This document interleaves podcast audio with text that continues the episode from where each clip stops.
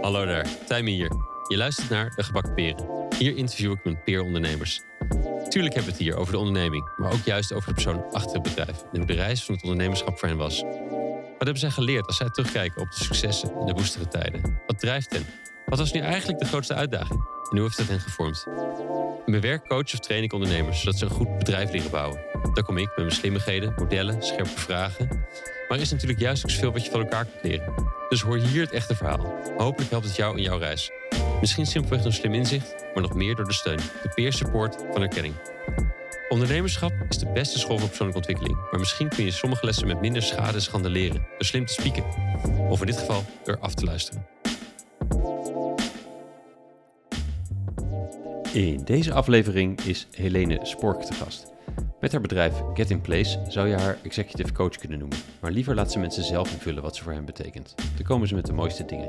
Cardtrekker, teacher in gratitude, leermeester, mogelijkmaker, tovenaar. Uiteindelijk gaat het haar erom dat mensen ontdekken dat er eigenlijk maar bar weinig buiten henzelf te veranderen valt. En dat innerlijk werk, met welke methode ook, de wereld verandert. En daar hoopt ze op. Ze droomt van een wereld die Glenn Albrecht het symbioseen noemt. De wereld waarin we bloeien zonder sporen na te laten. Dat vindt ze nou duurzaam ondernemen. In dit gesprek hebben we het over traumaverwerking en hoe echte duurzaamheid moet starten vanuit overvloed. Over het opbouwen van een enorme toolkit, systemisch werk en geomantie.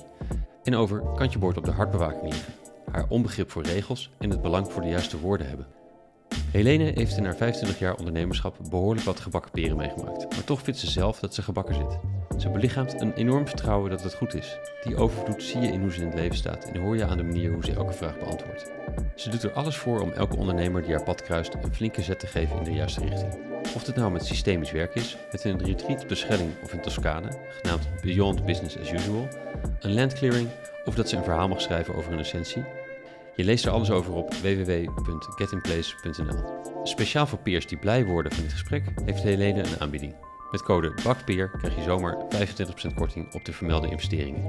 Het is een lang gesprek geworden, het is dan ook een zeer rijke reis. Dankjewel Helene voor dit gesprek en al je inspiratie. Veel plezier met luisteren. Hier is Helene Spork. Hey, welkom Helene. Dankjewel. Super dat je helemaal op het vasteland hier wilde zijn. Tegenwoordig woonzaam in, op, op de Schelling. Ik wou zeggen in de Schelling, maar dat is natuurlijk dat is typisch vastelands dat je het over innen hebt in plaats van ops misschien. Precies. Leuk dat je er bent. Leuk je weer te zien. Um, ik begin bij gast altijd uh, waar zij vandaan kwamen. Ik ben heel benieuwd hoe jij, hoe jij opgroeide. Um, en helemaal omdat dat, dat, heel veel van hoe jij kijkt naar de wereld me zo fascineert. Ik ben benieuwd of daar in de, in de eerste jaren al iets van terug te vinden is. Of dat het juist allemaal daarna gekomen is. Uh, dus waar groeide je op? En zou je ons eens kunnen meenemen hoe dat, hoe dat bij jullie thuis eraan toe ging vroeger? En dan misschien rond de eettafel, hoe jullie aan tafel zaten. Wat was de dynamiek daar? Ja, uh, nou sowieso ben ik heel dicht bij mijn geboortegrond. Uh, ik ben opgegroeid in Maarsen. in het dorp. Hè, dat hele Maarse broek, dat bestond nog niet. Nee. Ehm, en ik heb een ja, soort modelgezin dus, dus mijn ouders die houden van elkaar. Ze leven allebei nog, houden nog steeds van elkaar. Ik heb een leuk broertje. Uh, dat was eigenlijk een heel harmonieus gezin. Ik wil niet zeggen dat ik niet jaren heb gehad dat ik me tegen van alles moest afzetten. Maar dat hebben we dan ook weer achter ons gelaten. Um, mijn vroege jeugd um, herinner ik me vooral van dat mijn vader vaak in het buitenland was voor zijn werk. En dat mijn moeder dan alles regelde. Hmm. Gewoon alles. Die was gewoon twee ouders in één. Ja, ja.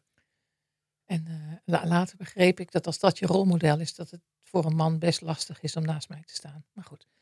Uh. ja, dat gaat hard snel naar voren inderdaad. Ja. Uiteindelijk toch wel een beetje geleerd. Ja, hoe was je als kind? Ik was een stil kind. Hmm. Ik was vrij introvert. Uh, ik vond veel kinderen van mijn leeftijd een beetje kinderachtig. Dat vonden andere mensen dan weer arrogant. Hmm. Uh, ik las heel veel. Ik heb gewoon de hele bibliotheek van het dorp uitgelezen. Ja, ik las het, ik las het ja. Mooi. Fantastisch. Uh, ik zwom heel fanatiek. Hmm.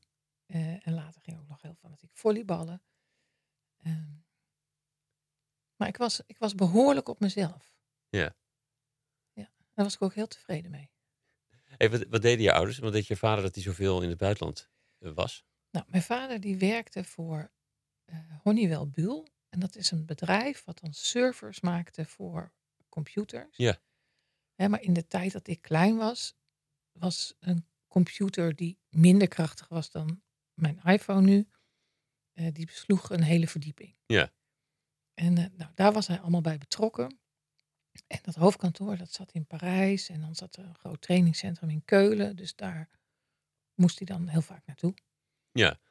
En je moeder? Mijn moeder eh, is een tijd thuis geweest toen ik en mijn broer geboren werden. En toen mijn broer op de lagere, ook op de lagere school zat.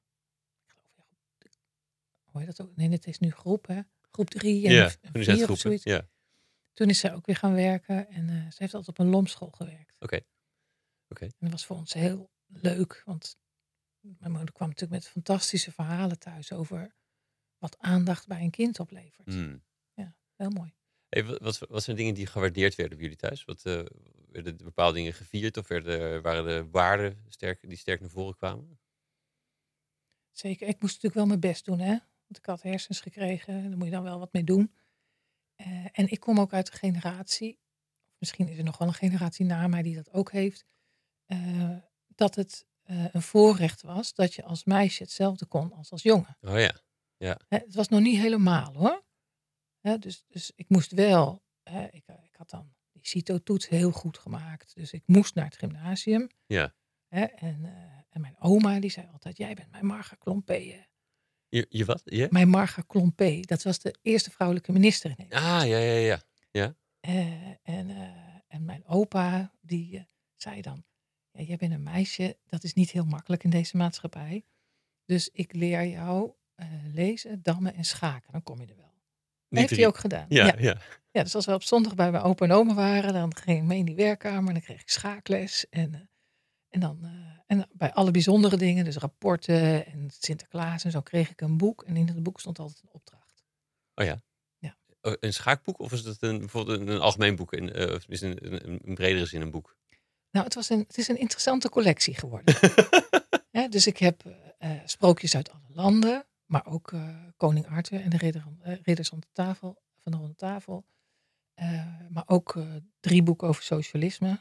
Vond mijn opa erg interessant. Hmm. Ik niet. Ja, dus het is een bonte collectie. Maar hij had een duidelijk idee over wat ik allemaal moest lezen. Hmm. En, ook, en ook dat hij dammen en schaken zegt. Dat, is gewoon, dat beide nodig zijn er- ergens. Ja. Ja, Ja. vind ik- vind ik maar, en jij ging, en jij ging dus ook wel goed op school. Dus die toets ging, ging je goed af. Dat neem ik Ja. aan dat het, het, de middelbare school dat eigenlijk ook ging. Ja. ja, ik had op de lagere school, als je het nou hebt over trauma's, hè, eh, ik zat op een eerste hele leuke lagere school. Had ik het onwijs naar mijn zin. En eh, de gemeente van, onze, eh, van ons dorp, die zei ja, er is een andere school en daar gaan te weinig kinderen naartoe. Oh ja. Dus wij trekken gewoon een streep door de, eh, door de gemeente en rechts van de streep ga je naar die andere school. Eh, dus ik moest van de leuke school naar de stomme school. En daar waar ik altijd een hele makkelijke leerling was en, en, en niemand zich zorgen maakte over mijn rapporten, eh, kwam ik opeens terecht in een klas waar ik zevens en achten haalde. Nou, dat was nog nooit vertoond. Ja. Dus mijn moeder maakte zich ook een beetje zorgen. En die ging toen met die leraar in gesprek. En die zei toen, oh ja, ik geef haar niet boven een acht hoor, dan wordt ze arrogant. Oh ja. Dat ik echt dacht, wie ben jij? Ja. Dat je dit soort dingen ja zelf er kan zijn veel besluiten. docenten die dat hebben. Hè? Dat de 9 is voor perfect en 10 is voor God of zo. En, dat, eh, Ja, en, en hoger dan een 8 wordt het dus niet. nee, in plaats dat hij blij is dat God in de klas zit. Maar, ja. maar goed. Ehm, dus dat was de lagere school. Eh, toen ging ik naar de middelbare school. En eh, het, was, het is ook niet per se altijd een voorrecht om slim te zijn. Hè? Hmm. Tenminste, ik weet niet hoe, hoe slim jij jezelf vindt en hoe je dat ervaart. Eh, maar voor je het weet ben je een stutje. eh, eh. Uh-huh. Dus ik zorgde wel dat ik niet al te veel opviel. Hè? Dus ik ging vanzelf terug van negens naar achten naar zevens. Ja. En dat vond ik het wel mooi genoeg. Ja, zesje ik- zalen was veiliger dan eigenlijk dan, dan Ja. volop gaan met wat je kon. Ja, Een, beetje, Ja. een beetje verschuilen. En je bent rechten gaan studeren volgens mij in, in, Ja. in Amsterdam, als ik me goed Ja. herinner. En dat is ook het moment dat je vertrok naar de, naar de grote stad en ook eh, voorlopig niet meer wegging, volgens mij. Nee, ik ben, eh, eh, ik ben dus in 1985 naar Amsterdam verhuisd. En er tot drie jaar geleden gebleven. Ja, ja precies. En, en, en, paste dat je, de stad, maar ook rechten? Nou, dat rechten, dat was sowieso een keus die ik al heel vroeg gemaakt had. Hm. Wel, en, maar niet uit voorliefde voor regels, maar uit onbegrip voor regels. Oh ja. En dus ik dacht de hele tijd, wat maakt dat we die regels zo in elkaar zetten dat je ze het allerliefste wil overtreden? En weet je nog wat voor een type regels jou, jou het meeste nou ja, kwaad maakte of, of frustreerde? Ja, waarom staat hier een rood stoplicht terwijl er niemand is? Ja. Hè, dus wat, wat maakt dat ik niet zelf mag uitmaken of ik deze kruising kan oversteken? Ja. Hè, dat is niet het meest wetenschappelijke niveau, maar dat was wel wat me echt mateloos irriteerde. Ja. Eh, en, en ik was dus geïntrigeerd van wie zijn dat die die regels in elkaar zetten? Wat voor een idee heb je over de mens dat je het zo in elkaar zet dat het altijd een moeten is? Hm. Hè, en, en, en dat na dat moeten en niet doen volgt straf. Ja, ja. dat vind ik gewoon irritant. Maar goed, dus toen eh, na een paar jaar studie eh, kwam ik bij professor Heertje terecht. Die zei, ja, maar wat jij wil, dat kan je hier helemaal niet leren. Eh, dus toen ben ik er psychologie bij gaan doen. Ja. Om te kijken van, oké, maar hoe zit dat menselijk handelen dan in elkaar? Zijn er nog meer mensen die net als ik een regel zien en denken, nou, die vind ik niet zo nuttig, die doet niet mee. Ja. Ik vind overigens wel, er zijn heel veel regels waar ik me niet aan hou, maar ik ervaar, aanvaard dan wel de consequenties. Dus als CIB me dan post stuurt, dan betaal ik dat gewoon. ja, precies. het is ook vervelend dat die post altijd steeds duurder wordt als je het niet doet. Hè? Nou ja, los daarvan. Maar ik denk, ik heb de keuze gemaakt Nee, om dat het. anders te Ja. doen. Weet je, en dan ga ik niet een briefje schrijven met, eh, er was niemand op de weg. ja, nee, ja, of eh, u was er nu eentje en één getuige is geen getuige. Of weet je dat gekletste doe ik allemaal niet. Nee, ja, ze hebben natuurlijk ook wel een ver- verkeerde aan je als jurist. Om, als iemand die er tegenin kan gaan. Ja, Ja. ja nee, dat is, dat is wel fijn. Dus, toch wel weer een soort van gehoorzaamheid. Nou ja, ik vind, nee, maar dat vind, ik vind dat niet gehoorzaamheid, dat vind ik verantwoordelijkheid. Ja, ja. ik doe dat, ik weet precies wat de regel is. Dan moet je ook niet lullig doen. Ja, toch, ter- terwijl je ook zou nog rebelser zou kunnen denken, ja, die regel was op dat moment is die gewoon niet nodig. Er was niemand. Er was niemand om voor te stoppen. Bij wijze van spreken. hè. Dus het, eh, Ja, maar dat is eigen richting. Ja, dan ga je eigen rechten spelen over de regel. Ja, en kijk, als Maar iedereen dat gaat, kijk, als, nou zou ik kunnen zeggen, Tijmen, als ik dat ga doen, komt het juist helemaal goed met Nederland. Maar als iedereen het gaat doen, Hè? Ja, de rest vertrouwen we toch is minder. misschien ja. toch niet zo'n goed idee. Ja, nee, fair enough, fair enough. Hm. Ja. Dus ik zag eerder dan een rol van dat je moet zorgen dat het recht verandert. In plaats van dat je het overtreedt en dan de consequenties ontduikt.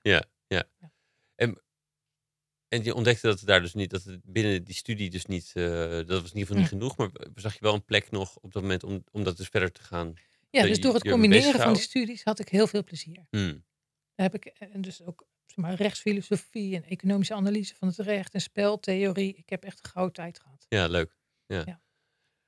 Eh, ik had, volgens mij heb ik je ergens over horen, of, eh, horen nee, zien, zien schrijven. Hoe zeg je dat? Ik heb gelezen van je. dat je, eh, dat je een quote uit speltheorie tijd dat je bijbleef dat als 15% het een belachelijke regel vindt dat het, en de rest vindt het normaal, dan zal het wel goed zijn of zo. Ja. Dan kun je erop rekenen dat het goed gaat. dat het goed gaat zelfs. Ja. Ah. Ja, niet, dus bijvoorbeeld met dat rode licht, Hm. ongeveer 85% houdt zich daar aan. Ja. En die 15% overtreders, dat kan je aan. Ja, ja, precies. Maar als het meer dan dat wordt, dan is er eigenlijk te weinig draagvlak. Eh, en dan komt er gedoe. Oh, dat is grappig. Het is, het is een- ja, ja, het is toch leuk dat ik naar vroeg. Want het, het is dus een draagvlak ding voor gaat het, gaat het goed tot gedoe. In plaats van dat het een eh, dat de regel kloppend is of net de juiste balans weet te Ja. slaan of iets dergelijks. Ja. Maar het is echt een. eh, Ja. En dat zie ik wel heel erg in, in veel wetgeving nu. En dat daar eigenlijk weinig op getoetst wordt. En dat een wet soms zo politiek is. mm, Dat mensen er ten eerste al geen reet van snappen. eh, Maar ook denken, ja, wat doet deze wet? Of hè, hoe kan ik deze wet überhaupt kennen? ja, ja, ja. Ja, daar word ik eh, altijd wel een beetje rebels van. Hey, ben, je, ben je daarna iets, iets, iets die richting op gegaan? Want als ik, me, als, ik, als ik het goed getraceerd heb, ben je het volgens mij bij, ook net een beetje la je vader in bij meer de IT ingegaan. Ehm, eh, toen ik ging werken, was er helemaal niet zo'n goede arbeidsmarkt. Kijk, Hmm. nu staat iedereen te springen. Maar toen was het, als ik het, de exacte percentages weet ik niet meer, maar ik geloof juristen 35% werkeloos en, Oh ja. juristen en psychologen 40 of zo. Ja, ja, ja. Dus, het, dus ja, dat was niet heel rooskleurig. En eh, eh, ik dacht toen, ik bel een vriendinnetje, die, die werkt als intercedent bij, een uit, bij zo'n uitzendbureau. En toen zei ik, ik wil wel een baan, maar wel een beetje fatsoenlijk betaald. En eh, eh, kijk jij eens even voor mij rond. En toen eh, belde ze mij twee dagen later op. En toen zei ze, echt super, ik heb een onwijs kutbaan in een heel leuk bedrijf. Ja, En klinkt goed. ik denk, nou, dat wordt nog wat. En toen werd ik dus telefoniste bij een IT-bedrijf. Nou, ik had nog nooit een telefooncentrale van dichtbij gezien. Dus eh, ik begon op maandag en vrijdagmiddag lag ik snikkend boven een centrale met honderd knipperende rode lampjes. En allemaal mensen die heel ontevreden waren omdat ze niet werden doorverbonden en zo. En net op dat moment dat ik daar dacht van, oh, dit is gewoon, dit kan ik echt niet. Ook een interessante ervaring. Eh, toen kwam een van die directeuren binnen en eh, die zei, wat doe je hier eigenlijk? nou, en voor had ik een leuke baan. Dat is wel, dat is, wel- dat is wel inderdaad ook grappig wat je zegt. Dat, dat, dat misschien een van de eerder, eerste keren dat jij dacht, hé, wacht, ik heb hier iets wat ik helemaal niet kan. Ik ben ook altijd, nog steeds, tegen telefonistes ontzettend leuk. Want die doen dingen waarvan jij denkt, dit kan ik helemaal niet. Ik, ik dank God op mijn blote knieën dat zij het doen. Ja, maar, en, maar was, hoe, dat was, hoe was het eigenlijk voor je? Want dat, dat, dat- dat- ik, ik ben op een gegeven moment ook achtergekomen dat het dingen waren die ik niet kon. Ja. Eh, ehm, voor mij was het bij sporten dat ik eigenlijk in een veel getalenteerder team zat dan waar ik eigenlijk in hoorde te zitten qua wat ik kon. die rende me voorbij, vloog me voorbij. Eh, en ik moest knijterhard werken opeens. Dat was ik helemaal niet gewend. Maar dat is wel ontnuchter- ontnuchterend geweest voor me. En dan moest ik, besefte ik opeens, hard- werken hoort er ook bij of zo. En ik weet niet, wat, wat, Ja. maar wat ging er bij jou om in... Nou, er gingen twee dingen meteen in mij om. Ten eerste, hè, wat ik nog steeds doe, dat ik eh grenzeloos respect heb voor mensen die dingen kunnen die ik niet kan. Hmm, Eh, maar ook dat ik dacht, je kan dus niet zomaar aan alles beginnen. ja, er zijn dus dingen ja, die gewoon echt niet passen. En ook al heb je ouders dat honderd keer gezegd. eh, het is net als dat ze zeggen dat je niet aan de kachel moet komen. En dat doe je dan natuurlijk toch. En dan heb je drie blaren op je vingers. Daarna weet je het. ja, en zeker als je op school eigenlijk niet echt blaren ontwikkelt op, op, op, de, op, de meeste vlakken dan, Ja. ja, dan, dan denk je nog steeds alles kan. Of dat het, uiteindelijk lukt het me wel of zo. Ja.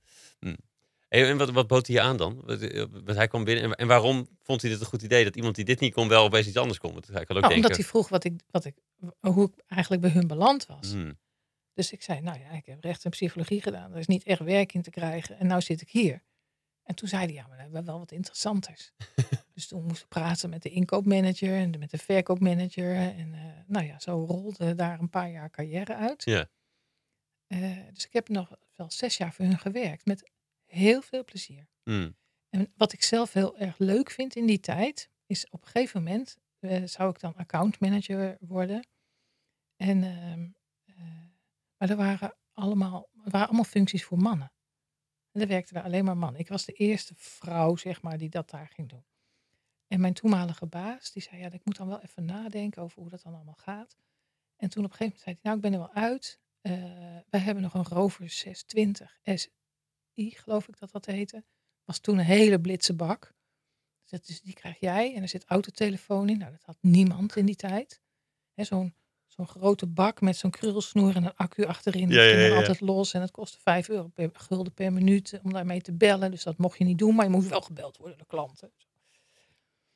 En eh, ja, dus ik voelde me daar ook heel bevoorrecht.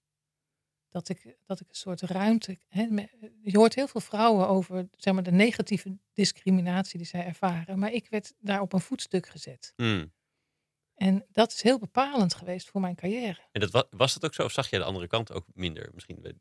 Dus ik, dat vraag ik niet omdat ik denk dat je blind was of zo, maar dat ik je juist zo ervaren als iemand die juist de positieve kanten van dingen ziet. En Misschien was dat toen nog niet helemaal niet zo per se dat, dat, dat, dat het, het positieve er altijd was of zo, maar eh, Nee, maar ik heb, ik heb, ik heb het zo ervaren. hmm, Dat, ik, eh, dat ik heel veel ruimte kreeg, ook om juist anders te denken dan anderen. Dus ik, was, ik, ik wist helemaal niks van IT. En, eh, en ook niet van knopjes. Ik ben nog steeds niet echt dat je zegt een technisch wonder. Daarom heb ik ook een iPhone en niet zo'n ander ding. Dat heeft Apple, allemaal voor mij bedacht. Eh, maar dan vroeg bijvoorbeeld iemand aan mij: hoe kom jij aan je target? En dan had zij van die hele interessante Excel-sheets. Mhm. En dan zei ik, nou, ik praat gewoon met die mensen over hun huwelijk en de kinderen. En eh, ja, dan zeggen ze wel wat ze nodig hebben. Zij weten dat beter dan ik. ja, ja, dat had de IT'er nog niet bedacht waarschijnlijk. Die, die, nee, en dan zei ik, dan ga, en dan ga ik zorgen, oké, dan weet ik wat ze nodig hebben. Dan ga ik zorgen dat ze daar zo slim mogelijk aankomen. Daar ben ik dan weer heel goed in. En eh, hè, hoe zij tegen de minste kosten voor hun en de grootste marge voor ons dolgelukkig zijn. Klinkt als een goede deal. Wat ze daar verder mee deden, jongen, ik snapte er niks van. Maar dat was dus niet relevant. Dat nee, was heel nee. leuk. Ja. Ja. Hey, de- mm, je hebt nog even op allerlei plekken gezeten, volgens mij, voordat jij echt zelf begon te ondernemen. Als je, als je zo terugkijkt en dan een beetje de, de, de wetenschapperbril opzet, eh, wat zijn een beetje de, de, de keerpunten in die, of kantelpunten of trappetjes in die reis geweest die, eh, die, die je eruit zou pikken?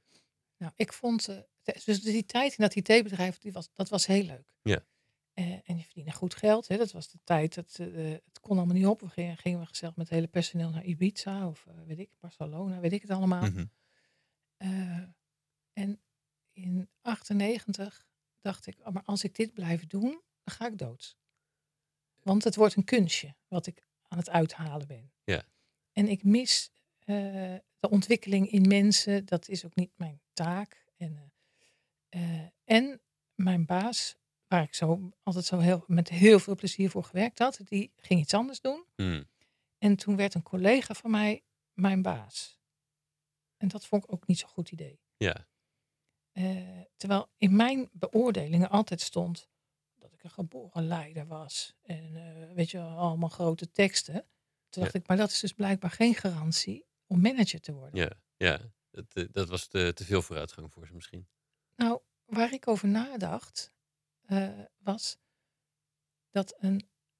maar ik werd dus geconfronteerd met dat iemand anders mijn manager zou worden. Ja, En eh, eh, terwijl ik mezelf natuurlijk. Ik geloofde die teksten in mijn beoordelingen natuurlijk. Ja. En dat, toen zag ik opeens het verschil tussen leiderschap en management. Mm. Want ik dacht, ja, maar het klopt eigenlijk wel. Want dit bedrijf heeft al een leider. Dat is de oprichter, die werkt hier. En die heeft een droom en een visie. En wij moeten volgen. Ja. Dus nog een leider in de tent, dat is niet zo handig.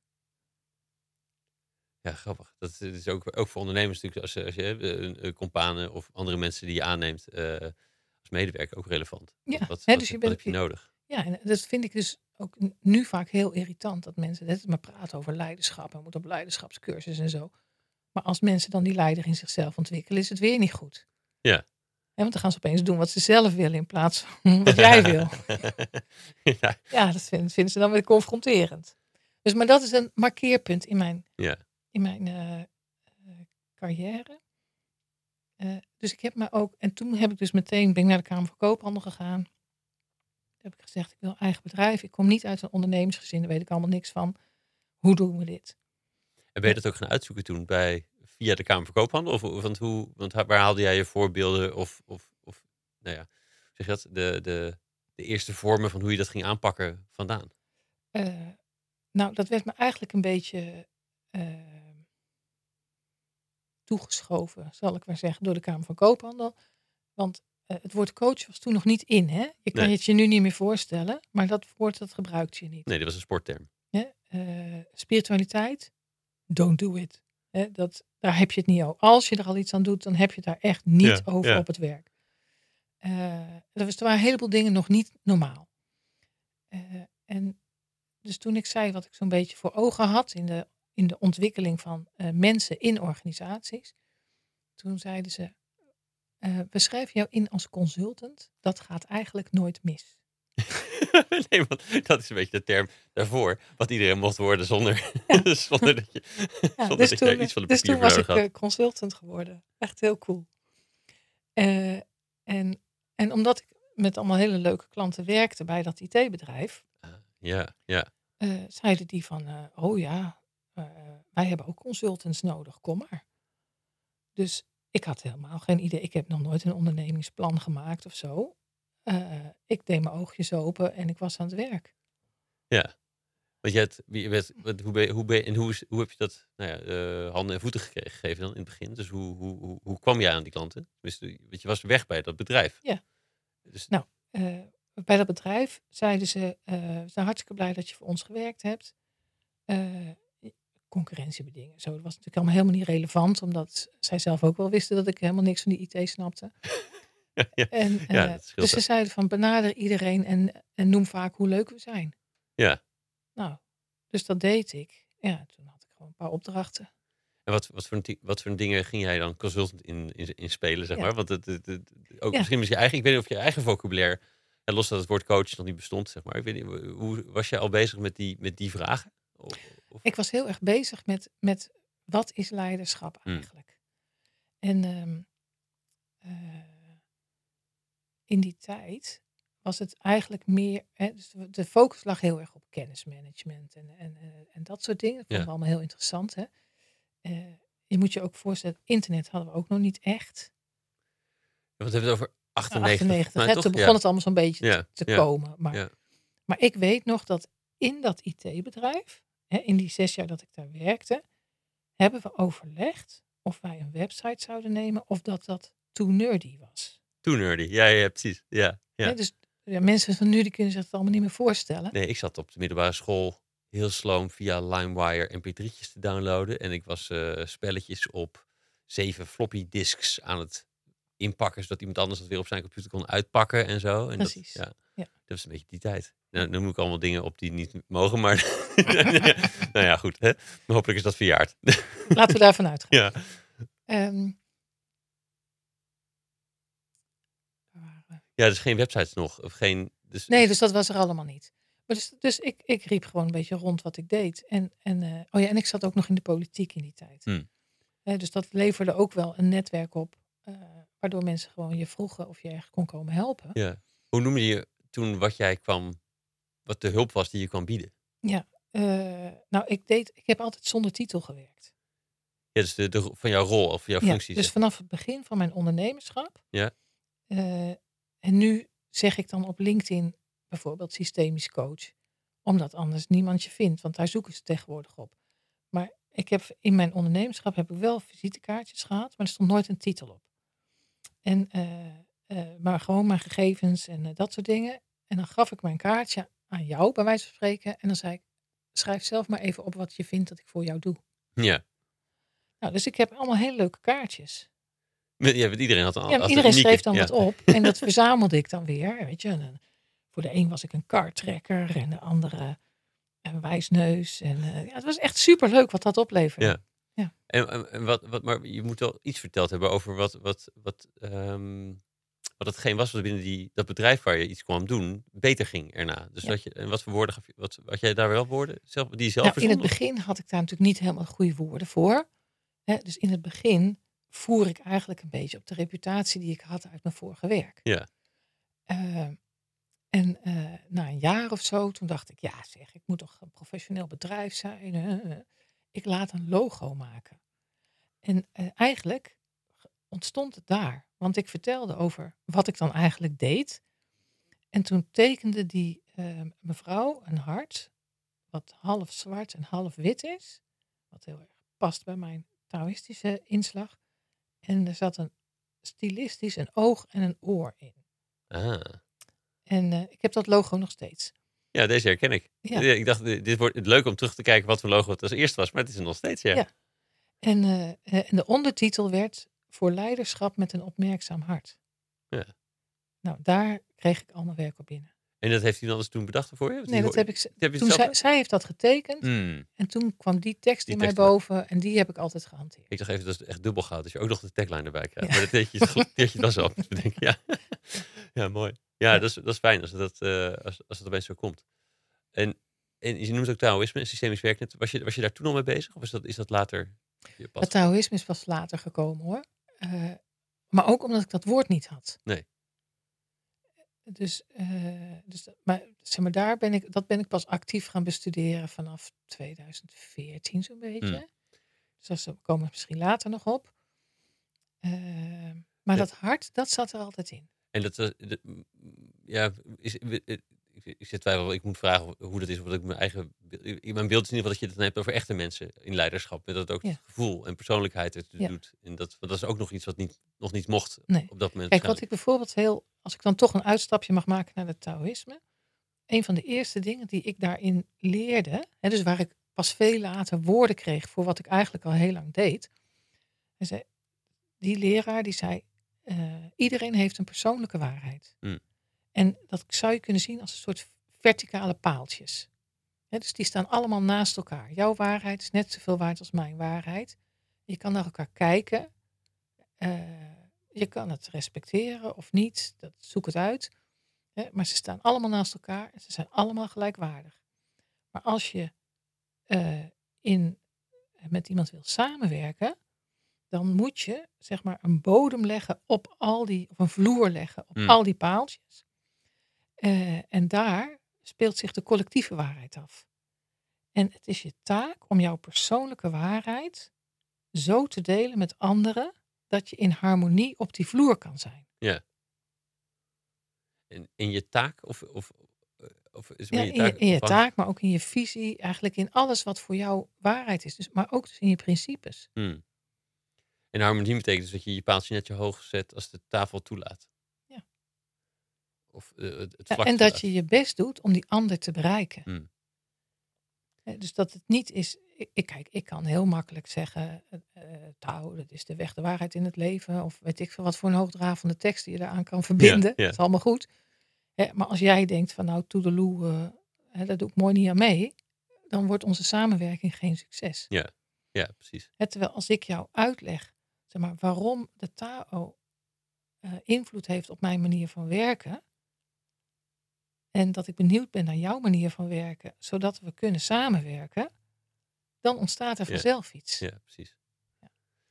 En het is hard en leiderschap. Ehm, en, en, en kwam systemisch werk in die, in die eerdere jaren ook wel, ook wel aan bod? Of kwam dat, kwam dat ook later? Nee, dat, dat is al heel lang. En dat was toen nog heel anders. Kijk, nu heb je honderd vormen, duizend vormen van opstellingen. Ja. Eh, ik heb zelfs trouwens een hele gave bedacht, maar die bewaren we ook nog even. Eh, maar in die tijd waren het echt nog alleen familieopstellingen. Ja. Dat was het Ja. systeem. Ja. Eh, en dat vond ik al heel wat. ja, dat, was ook dat is voor- ook zo. Dat was voor mij ook een soort ehm, erkenning dat er een methode werd geïntroduceerd die je niet met je hoofd kon begrijpen. Ja. Hè, ik zeg nu nog wel eens tegen mensen, ik werk twintig jaar met opstellingen, of systemisch werk, zo je wilt. Eh, ik snap nog steeds niet hoe het werkt. Ik weet alleen maar dat het werkt. Hoe, hoe, hoe ben jij dat, ehm, ja, los van het feit dat je het ziet werken en dat je denkt, ik heb er geen verklaring voor, maar is dat, eh, kon je dat ook, hoe ben je dat gaan accepteren? Of gaan, of accepteren is niet, niet helemaal lekkere woorden voor, maar ben je gewoon dat, oké, dat, dat is nou eenmaal zo, dat begrijp ik niet en dat is goed. Eh, of of, Ja, of was het toch wel heel verleidelijk om nu ja te zeggen. Hè? dat je dat ook, dat je dat ook, ook goed vindt? Of, Ja, ik accepteerde dat eigenlijk meteen. Ja. nee, ik weet het niet. Ik, ik heb ook wel. Ja, ik, ik, ik begrijp helemaal wat je zegt als je zegt: ik begrijp het niet, maar ik zie dat het werkt. Dat Nee, heb ik ik hier heb- heel erg mee. Eh, En- dat het werkt, dat maakte mij heel dankbaar. Want ik dacht, dit is de weg naar het hart, van dat hart. Dit Hmm. is de weg die ik eigenlijk de hele, waar ik de hele tijd mee, mee werk. Ja, Hè, En, eh, dus daar werd ik heel blij van. Eh, tegelijkertijd ben je natuurlijk gewoon academisch opgeleid. Hè, dus, en eh, eh, is er echt wel een drang om het academisch ook te verklaren. ja precies. Nee, dat, dat bedoel ik. Dat- nou, dat- ik denk dat ik daar wel drie jaar over gedaan heb voordat ik dat opgaf hoor. Oh. nog, nog, nog maar drie jaar. Oh. nou ja, en, en op een gegeven moment opgegeven omdat je denkt: dat hoeft helemaal niet, of, of dat laat maar hangen, dat gaat hem niet worden. Het verklaren. Ja, ik dacht, het is, het is zinloos. Ja, ja. Kijk, ik vind mezelf niet dom. Als ik het in drie jaar niet kan bedenken, dan is het tijd voor iets anders. Ja, ja, precies. het, is wel, het is wel interessant dat, dat, want ik heb dat ook, dat ik, dat ik dan denk, dan ligt het aan de vraag, dan moet ik deze vraag niet willen beantwoorden. En niet dat ik denk van, nou, kennelijk ben ik dus niet slim. dat zal niet zo snel gebeuren. Nee. Nee, heb ik ook geen last van. Oké, voordat iedereen afhaakt bij ons. Eh, en eh, ben je dat eerst zelf, met wat voor reden ben je dat zelf gaan opzoeken, dat systemisch werk? Eh, omdat ik zo vanuit dat hart werkte, zocht ik steeds naar methoden. eh, ook allerlei meer bewezen methoden. Maar ik dacht, ik moet zo breed zijn opgeleid. Hmm. Dat ik altijd bij dat hart kan uitkomen, maar een ingang heb die mijn klant begrijpt. Ja. Dat was reden één. Hè, van sluit aan bij waar je klant is. Eh, en reden twee was dat ik mij heb voorgenomen. Nou, ik kan, beter, ik kan het beter anders zeggen. Mijn dogma is dat ik nooit dogmatisch wil worden. Ja, Dus ik wil niet aan één methode vastzitten of aan één waarheid. Ik ben altijd op zoek naar iets wat mijn overtuigingen tot dan toe kan ontkrachten. En in die zin ben ik eigenlijk een ontzettende wetenschapper. Ja zou kunnen me- zeggen, een, methode wel. een wetenschapper van het hart misschien, of zo. Ja. Als dat, Nou, misschien geen dubbel blind Wel een goede experimenten aan het doen, maar wel, wel zoeken naar wat, je, wat, Ja. wat er niet klopt aan je model.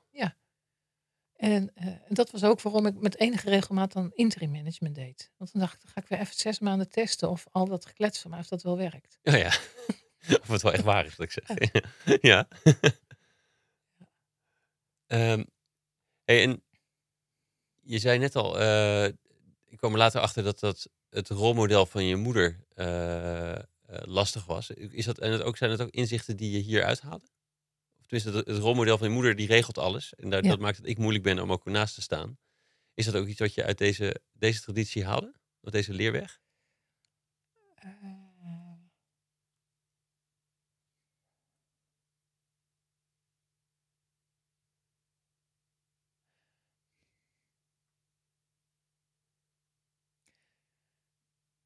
ik, ik denk dat ik wel al eerder het inzicht had hè, dat, mijn, dat mijn moeder eigenlijk twee ouders kon zijn. Hè, dat, eh, op een gegeven moment, toen ik een jaar of twaalf was, toen kwam mijn vader weer heel veel in Nederland, dus toen veranderde dat ook. Ja. Eh, maar ik denk dat ik toen ik zelf systemisch werk ging doen, eh, dat ik vooral daarvan leerde om eh, het rebelse wat daaruit voortkwam, eh, om dat te leren doorzien en in balans te brengen. Het rebelse, wat bedoel je?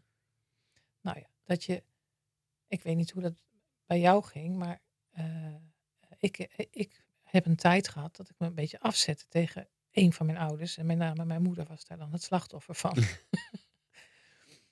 Hoewel ze ze dat zelf waarschijnlijk niet zo zou omschrijven. Eh, hè, dus, dus zeg maar, wat zij deed, dat deed ik dan niet. Ja, ja, ja. En eh, hè, dus daar zit iets, iets rebels, terwijl je er eigenlijk heel erg bewondert. Ja, ja. En, eh, en hoe dat zat, dat snapte ik doordat ik zelf die opleidingen ging doen. En hoe zat dat? Dan, dan maak je me toch, toch nieuwsgierig. Hoe... Als je fysiek voor je ziet en dat er twee ouders op één matje passen, Ja, dan valt het kwartje pas. Dus, dus, dus dat mijn moeder in mijn vroege jeugd eh, gewoon twee ouders in één was. Ja. Toen ik dat letterlijk voor me zag. Terwijl mijn hoofd had dat natuurlijk al lang bedacht. Hè, of Ja. gezien of ervaren.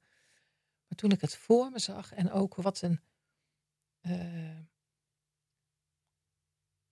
wat een druk dat voor haar met zich mee had gebracht. Weet je hoe hard zij had moeten werken? Ja. Eh, toen pas snapte ik dat ik me tegen die druk afzette. ja. Hè, dus a- aan de ene Ja, kant bewonder je het heel erg en, en, en je wordt zoals je, zoals je moeder. Aan de andere kant dacht ik, het zijn torenhoge verwachtingen die op mij liggen. ja. En daar ging je tegen rebelleren of zo. Ja. Ja, Ja, dat ging ik te lekker niet doen. ja en dan zie je eigenlijk de, de, de, de nee, je ziet ook de, hoe zij het had in die tijd. En dat maakt het veel milder. Plaats van dat je het eh, als iets zie kan, tenminste, als iets zou kunnen zien dat, dat, eh, dat, ze iets, dat je iets verkeerd zou hebben gevonden of zo. Ja. Hoe, hoe, hoe begon je klanten hierin mee te nemen? In, in, in dit soort dit, dit verhaal, als het nog niet zo bekend was, zeg maar. Dus hoe hoe Ja. nam je hen mee in van, hé, dit zouden we moeten proberen? Of, of vertrouwden ze je daar gelijk in? Of dachten zij, Ja.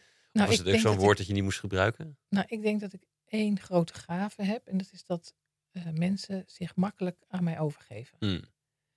En dus het is, het is niet dat ze zomaar klant worden. Ik weet nog, er heeft, eh, eh, ik had een keer, zat ik in een gesprek met een filmmaker, die jij ook kent trouwens. En eh, er was een videootje van mij gemaakt. En toen zei ik, nou jij bent een expert op dit gebied. Weet je, dus vertel eens wat vind je van dat filmpje. En toen zei hij, het is een fantastisch filmpje voor iedereen die jou al kent. Ah, ja. Zeg maar, mensen die jou niet kennen vinden dit heel eng. Die komen echt niet. ja. Dus zeg maar, als, als mensen eenmaal bij mij zijn, dan laten ze vaak heel veel toe. Hè? En dan zeg ik van, ben je in voor wat geks? Gaan we even wat geks doen. ja. En dat vinden ze dan eigenlijk altijd goed. Ja, in de kern zit een groot marketingprobleem wat iedereen heeft. En daardoor komt er iets heel veiligs wat niemand meer snapt. Wat, wat je dan aan woorden gaat gebruiken. hè. Dus, het- Ja. ehm, En, eh, en ik kan dan ook wel het op een bepaalde manier verwoorden. Dus ik heb laatst met een, dat is misschien wel een leuk voorbeeld. Ik heb met een directieteam eh, eh, een regressiesessie gedaan. Nou, ze vonden het enig. en regressie niet in de zin dat je een statistische analyse deed, neem ik aan. Nee, maar regressie in de zin van in welk vorig leven hadden jullie ook al ruzie met elkaar? En speelt dat nu nog een rol? Ja. Nou, ze vonden het hartstikke leuk. En hoe, hoe, hoe nam je hen daarin mee? Want dit, dit, vraagt, dit vraagt inderdaad een beetje overgeven aan iets wat ze waarschijnlijk niet kenden. Tenminste, ik neem aan dat die directie dat niet, niet zo dusdanig al eh gemeengoed vond in hun gedachten. Dat het, Nee, zeker niet. nee. Nee, eh, ik dacht ik probeer het maar gewoon. Ja. Ja, lukt het niet, dan lukt het niet. Ook best, maar ik zag wel dat het conflict wat ze hadden, dat dat niet zomaar oplosbaar was. Ja, ja, precies. Dus ik dacht, er moet ook een, een, eh, een interventie komen die hun allemaal uit hun comfortzone haalt, maar wel respectvol is. Hmm.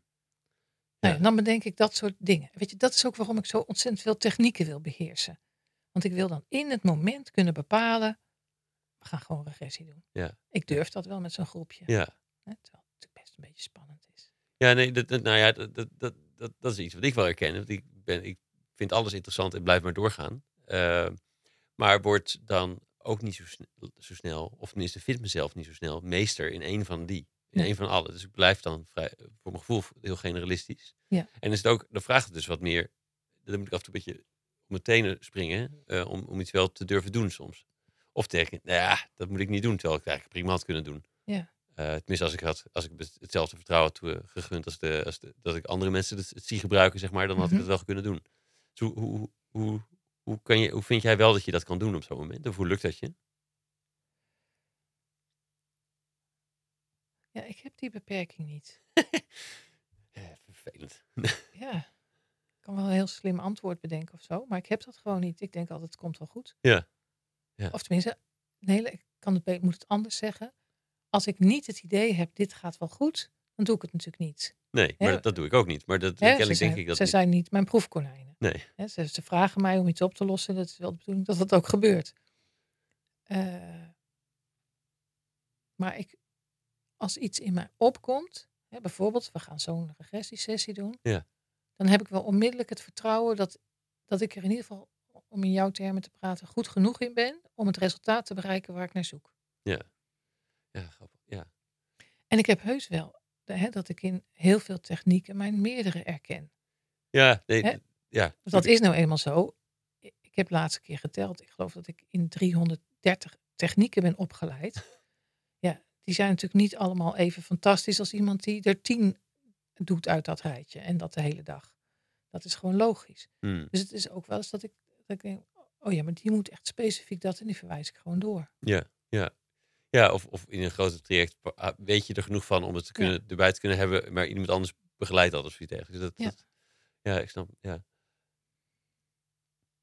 Ehm, ja we, ik zit zoeken waar we zaten. We zitten, we zitten ook een beetje. Ik ben ook benieuwd van. Dit, dit, dit klinkt alsof dit allemaal heel soepel ging. Ik ben, eh, dus werd, bleef je dit alleen doen? Of, of, of hoe, en hoe ging dat? En eh, het- dit, dit kan natuurlijk ook niet altijd wel goed gegaan zijn. Of, Nee. nee. Zullen we het eens over die andere kant hebben? Nou ja, Dat is dat, leuk. ja, dat, is ook, ja, dat kan ook. Ja. Ehm, maar je begon, je begon ook alleen. en Ik weet één andere kant. Dat, dat, dat je op een gegeven moment eh, gebroken met een compaan. Of dat klinkt actiever dan het misschien Ja. gegaan is. Maar Eh, dus de- je bent ook samen gaan werken. Dus Ja. Ik ben ook benieuwd naar dat, dat, dat voorstukje. Ehm, ik werd op een gegeven moment gevraagd om ergens interim manager te worden. Ja. Eh, dat heb ik gedaan.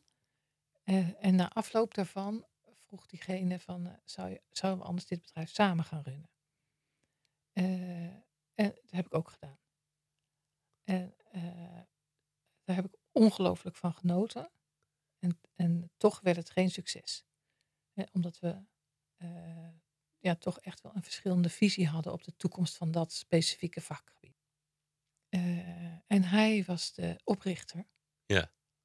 Ja, dus hij heeft mij eruit gewerkt.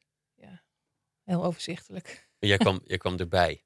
Dus Ja. En, en, eh, eh, en had je dat, eh, kon dat, dat je eruit gewerkt werd, omdat, er, omdat, omdat het niet nou ja, juridisch ook overgedragen was? Of hoe, Ja, dat is meer de achterkant ervan waarschijnlijk, meer dan dat het gaat over hoe. Als, als hij het eenmaal bedenkt, is het natuurlijk eigenlijk onhoudbaar om.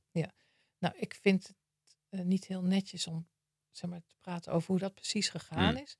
Maar wat ik er wel van kan zeggen is, eh, zeg maar, toen dat duidelijk was, hè, dat hij niet met mij verder wilde, eh, toen voelde ik me echt verraden. Ja. Me echt diep verraden gevoeld. Dat ik dacht, ik heb alles wat ik aan energie had, heb ik hier ingestopt, weet je, en dan krijgen we dit. Eh, en dan ga ik over een soort grens. Dan denk ik, dan wil ik er ook niks meer mee te maken hebben. En dan kun je twee dingen doen. Dan kun je denken van, ja, maar dit is onterecht. eh, En ik ga de strijd aan en zo. Maar dan zit je dus aan die energie vast. Ja. Nou, en dat is niet hoe ik werk. Dat is misschien ook wel leuk voor mensen die tot nog steeds zitten te luisteren naar dit gesprek. Ja, als, ik, als ik denk, hier ben ik klaar mee, dan zoek ik de snelste weg om er vanaf te zijn. Hmm. En, eh, eh, en dat ik er niks meer mee te maken hoef te hebben. Ja, want anders moet je, moet je, moet je, blijf je erin hangen. In Ja, het, En dat kost, dat, in dit geval kostte dat best wel veel geld. Eh, maar dat neem ik dan voor lief. dat weer die regel accepteren. Een beetje. Regel accepteren en een principe. Het was namelijk, eh, zeg maar, toen ik iemand vertelde hoe ik dit had aangepakt, toen zei, eh, eh, toen zei diegene van, nou, ik hoop wel dat jij nou geen mensen meer vertrouwt. En je moet toch wat wantrouwender. En je bent altijd zo naïef. Mm. En je vindt alles maar leuk. En, en terwijl die dat allemaal heel goed bedoelde, voelde ik van binnen, weet je wel, dan, ik weet niet of jij het ook hebt, dat het zo gaat koken. Dat je denkt, dit gesprek gaat helemaal de verkeerde kant op. en toen, eh, toen hij uitgepraat was, toen zei ik, nou, dankjewel voor, voor jouw adviezen. Ik zei, want doordat je dit allemaal vertelt, ik zeg, Ja. en van binnen kook ik echt, ehm, heb ik ontdekt wat mijn belangrijkste principe is. En mijn belangrijkste principe is dat ik mensen vertrouw. En mijn belangrijkste les is dat als je mensen wilt vertrouwen, dat het dan handig is om een vette reserve te hebben in je hart en een vette reserve op je bankrekening. Hmm. Ja, dan, dan kan je de klap. Als het, mocht Ja. een keer misgaan. Tuurlijk ga ik af en toe op mijn bek. Ja. Hè, maar als je kan incasseren, hè, dan daarmee koop je eigenlijk de vrijheid Ja. om mensen te vertrouwen. En hoeveel leuker is het om met mensen samen te werken die je gewoon vertrouwt. Zo. Ja, ik kan niet Ja. anders. Nee, eh, precies. Eh, En anders ga je alles eerst vastleggen voordat je überhaupt iets kan gaan doen. Ja, ik eh, doe allemaal niet aan Heel, heel moeilijk gezicht erbij. ingewikkelde contracten. Ja. Nee, ja, precies. Precies. Nee, het, het, het is grappig. Het is ook een. ehm, zelf die reserves moeten hebben, is ook een gevolg van dat een, een individualistische ingerichte samenleving. Dus ik, moet- ik moet denken aan um, inheemstammen in de VS, uit de nu VS, eh, waarbij iedereen had vrijheid om te gaan, want ze wisten dat ze overal, zeg je dat, niet aangenomen, binnen, binnengelaten werden. Hm. Dus je kon, je kon, je had ook vrijheid, want je wist dat je op elkaar kon leunen. Ja. Ehm, en dat, dat geeft ook eens, dat, dat maakt dat je vertrouwen kan hebben op elkaar zonder dat je eh, zelf allemaal een eigen bankrekening hoeft te hebben. Of zelf allemaal eh, je eigen kleine netwerkje goed moet hebben of zo. Ja. Ja. Hey, en tegelijkertijd, dat, dat gebeurde, scheidde je en werd je ook nog ziek, beschreef je. Ja. Dat is wel een op, opeenstapeling van, Ik heb gewoon alle live events in een half jaar afgewerkt. Ja. Ja, dat is heel streperig van je, maar dat- Ja. nee, maar dat, dat, ehm, Dat- Dat is even een flinke klap. En, en hoe, hoe, ben je daar, hoe ben je daarna... Want je, je zegt, ik wil in ieder geval vertrouwen blijven hebben. Maar hoe ben je daarmee... Hoe is dat, hoe is dat gegaan in die tijd? Eh, nou, kijk, ook een, ook een scheiding is iets waar je, vind ik, niet over praat met mensen die je niet kent. Eh, je hebt hartstikke veel van elkaar gehouden, anders Mm. heb je geen kinderen. Eh, en eh, en het, het gaat niet. Eh, dus dat, dat moet je gewoon zo goed mogelijk afwikkelen. Ja. Ik zal zeker niet zeggen dat ik dat ideaal gedaan heb, maar, dat, maar ik heb mijn best gedaan. Hm. Het gekke was dat, zeg maar, en, en daarna werd ik, ik had opeens een van de auto-immuunziekte en dat zag er helemaal niet goed uit. En eh, daar ben ik uiteindelijk wel van genezen en vrij vlot ook eigenlijk Hm. zelfs. Eh, maar het grappige van, dat van die hele drie events achter elkaar. Hè, wat, nou kijk, het, laat ik zeggen, eh, laat ik beginnen met het niet zo grappige. Het niet zo grappige was dat ik tot die tijd dacht: één, ik kan alles. Dat helpt heel erg in je leven. Ja, Eh, twee, ik heb het leukste werk, een fantastisch gezin, een grachtenpand. Wat willen we allemaal nog meer? Eh, en eh, de, de wereld ligt aan mijn voeten, zou je kunnen zeggen. mhm. En dan zes maanden later eh, ben je net niet failliet. Ja, ja. Dat is een interessante ervaring. Eigenlijk gun ik het iedereen, zeg ik wel eens. Om de les eruit te kunnen leren. Om dat te ervaren. Ja, Ja, hè, dat die andere kant er ook is. Dus, dus het is zo'n prachtig verhaal in, de, in het Oude Testament van, van Salo- koning Salomon. Hè, die zegt dan tegen een bedelaar van kun je... eh, eh, kun jij een geschenk voor mij bedenken dat voor jou net zoveel waard is als voor mij? hm, En eh, nou, die man die reist de hele wereld over, vindt niks, komt terug, vindt bij de lokale juwelier een ring. En in die ring staat, ook dit gaat voorbij. En dat is, die is wat, wat, dat is wat hij geeft aan Salomon. Dat is waarom mijn holding Salomon heet. ah, Omdat ik denk dat dat de ultieme wijsheid is. Eh, dat was een zijpaadje.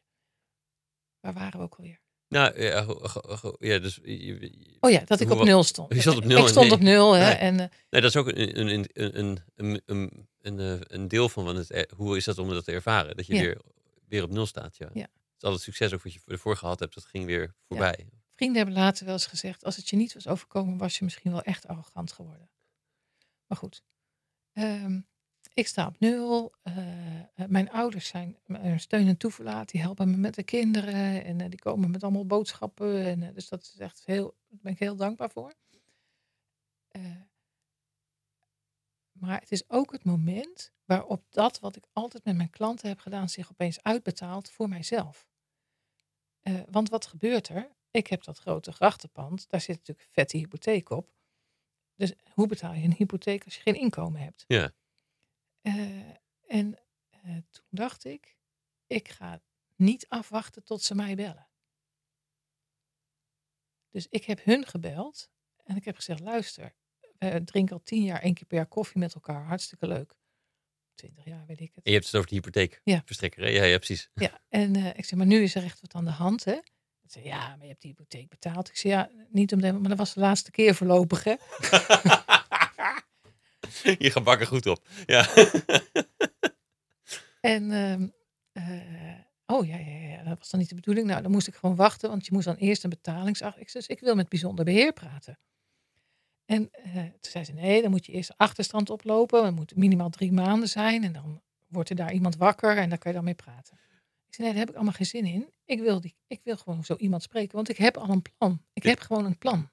En dit, dit, dit klinkt als jou, alsof jouw eh rechte frustratie weer kwam. Wat- Wacht, hier is nou een regel. Ik moet eerst dus eh, in een achterstand op gaan lopen. Ik- Ja. Nou goed, lang verhaal kort. Een week later zat ik dus aan tafel bij de bank die mij hypotheek had verstrekt.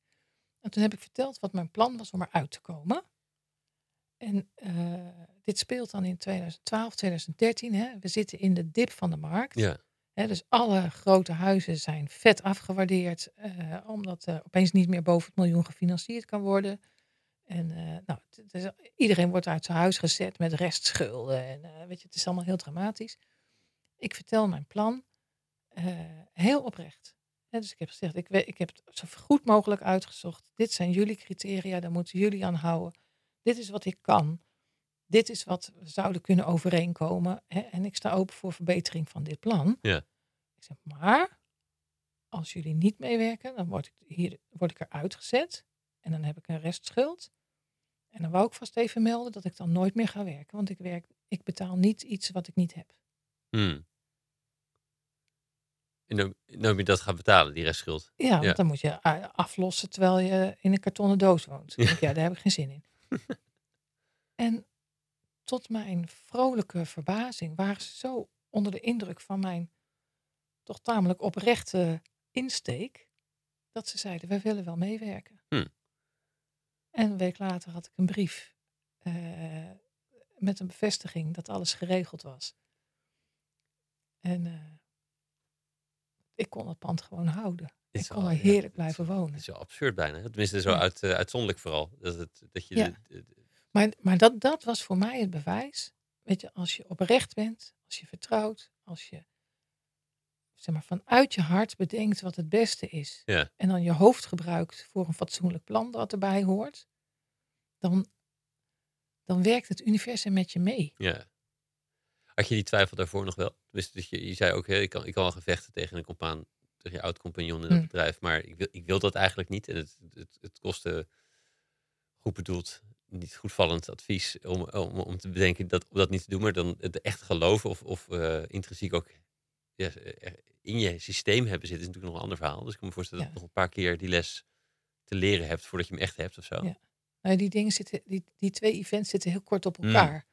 Dus ik vind het moeilijk om het helemaal uit elkaar te halen. Nee, dat hoeft, ik, ik, ik wist niet dat ze zo dicht bij elkaar zaten Ja. natuurlijk, maar de, Hè, maar ik, ik denk. eh, ik denk dat omdat ik het meteen losliet. Is zo'n spreekwoord voor. Weet je, als je een deur dicht doet, gaat er een andere open of zoiets. ja, ja, dat, dat dit het logische vervolg daarvan was. Hmm. Maar ik ervoer het wel als een, als een beloning voor, eh, voor mijn eigen denkwijze. ja, ja. Ja. En als je had gezegd, nee, ik ga wel het gevecht aan en ik ga niemand vertrouwen en ik ga toch proberen een plan bij de bank eh, neer te leggen, want dat is nou helemaal slimmer, want anders heb ik, moet ik er misschien Ja. uit, dan had je daar anders gezeten. Ja, ik, ik denk dat. Ik denk dat niemand mij geloofd had als ik met een plan uit mijn hoofd was gekomen. Hmm. Want ik ben helemaal niet zo goed in plannen die uit het hoofd komen. Ik zeg altijd, het wat gaat, moet met mijn hart. Hmm. En hoe ik het dan aanpak, dat bedenk ik wel met mijn hoofd natuurlijk. Hè, maar als het wat uit mijn hoofd komt, is het doorgaans een vrij slecht idee. Ja, ja, ja, ja, precies. Ja, nee, her- herkenbaar. Eh, als, ik, als, als ik groot, als ik, ik herken het dan bij mezelf als ik, als ik grote dingen ga bedenken. Als ik, dan wil ik zoveel, zus en zo. En dat het in mijn hoofd. gebeurt er niks. Nee, nee, het is mijn hoofd bedacht getal of zo. En dat, dat ik kan beter me richten op, ik kan die groepen, ik kan daarmee gaan praten en dan kijken of daar iets gebeurt. En dan gebeurt er tenminste wat. Ja. Ook bijvoorbeeld dat ik helemaal in het begin van mijn carrière dacht, eh, ik wil voor mijn dertigste een ton verdienen. Ook heel arbitrair verzonnen gedi- Ja, ding. Ja. Weet je, maar dat is dan een soort doel. En dan op een gegeven moment denk je, oh ja, ik heb dat al lang. Nou, ik vind er eigenlijk niks aan. Het is net zoiets. Hmm. Je, dat komt dan uit je hoofd. Toevallig komt het uit, omdat dat nou eenmaal past, zeg maar, in de wereld waarin je verkeert. Ja. Maar dat geeft geen grote voldoening. Nee, precies. Hey, en dus dit, dit ging goed, zeg maar. Dus de, de, het pand eh, kon je houden en de bank ging, ging mee met dit, met dit Ja. eh, eh, ongebruikelijke plan. Mhm. Ehm, hoe, ging, hoe ging het verder? Want je, je had ook weer dat je qua wer- nou, eerst weer beter moest worden en je werk weer opnieuw moest gaan herdefiniëren van wat deed je? Wat Ja. ga je doen? Je had weer een soort nou ja, leeg stuk land voor je met Ja, een, eh, een eh, omgespit akkertje. Hè? een opgespit akkertje. Ja, Ja. goed omgespit, ja. Ehm, ik had het de eerste twee jaar heb ik vrijwel niet gecoacht. Eh, omdat ik kan er nu heel makkelijk over praten, maar het is, het is gewoon wel een heftig, heftige tijd. Ja. Ik had ook nog drie puberende kinderen onder mijn hoede. Eh, dus met grote regelmaat was het dat als iemand zei: Ik heb dat en dat probleem. Dat ik dacht: Ja, je mag als dat je probleem is. Ja, uh, komen we niet heel veel verder in deze wereld. Dus ik was helemaal geen goede coach. Omdat ik mijn eigen problemen zoveel groter vond dan die van potentiële klanten. Ja. Dus ik dacht, dat is gewoon niet al te slim om daar nu iets mee te doen. Dat kan ik gewoon niet Mm. doen. Van- En, en ik was fysiek ook niet optimaal. Dus, eh, en wat ik toen gedaan heb, is dat ik eh, in dat pand van alles ben gaan organiseren en ruimtes ben gaan verhuren aan andere coaches en trainers. Ja. En eh, een soort van eh, centrale speel werd in allerlei netwerkjes. Ja.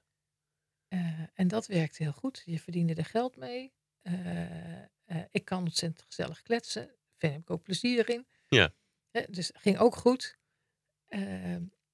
En mensen, eh, eh, eh, zeg maar, dat, dat huis, dat werd een soort ontmoetingsplek.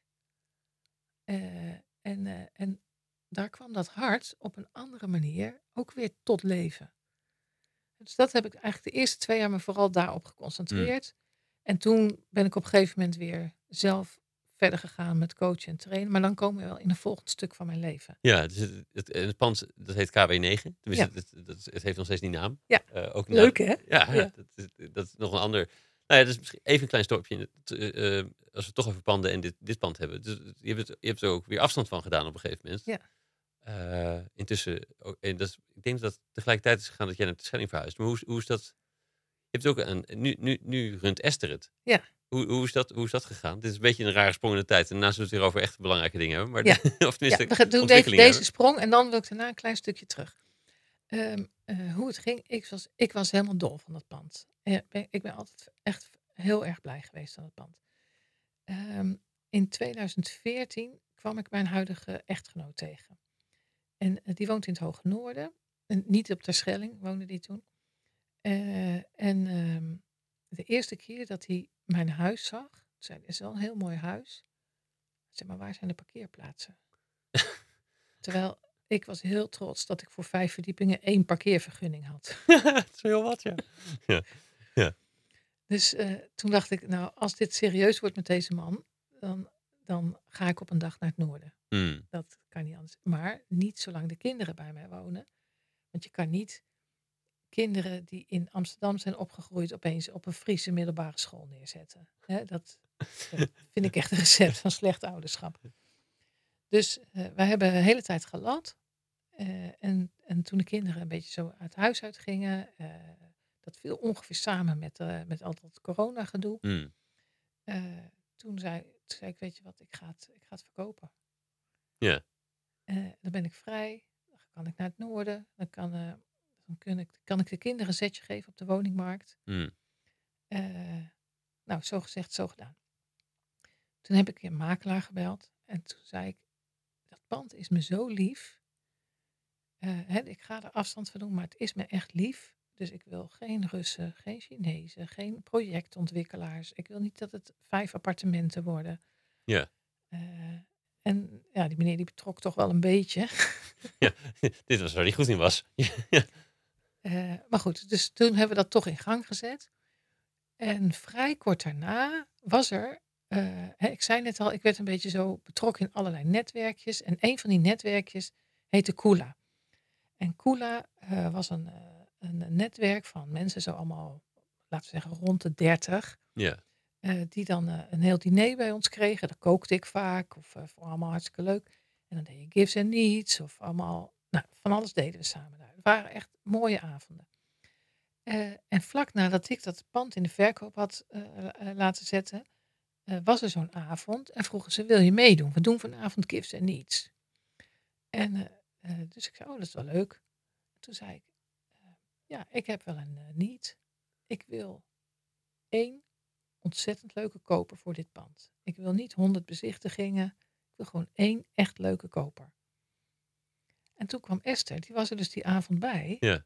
Die kwam later op de avond naar me toe en zei ze, ik wil met jou praten over dat pand. Wauw. En toen hebben we dat dus, nou we hebben er wel een jaar over gedaan om het rond te krijgen. Hmm. En, eh, maar we hebben dat helemaal samen opgepakt.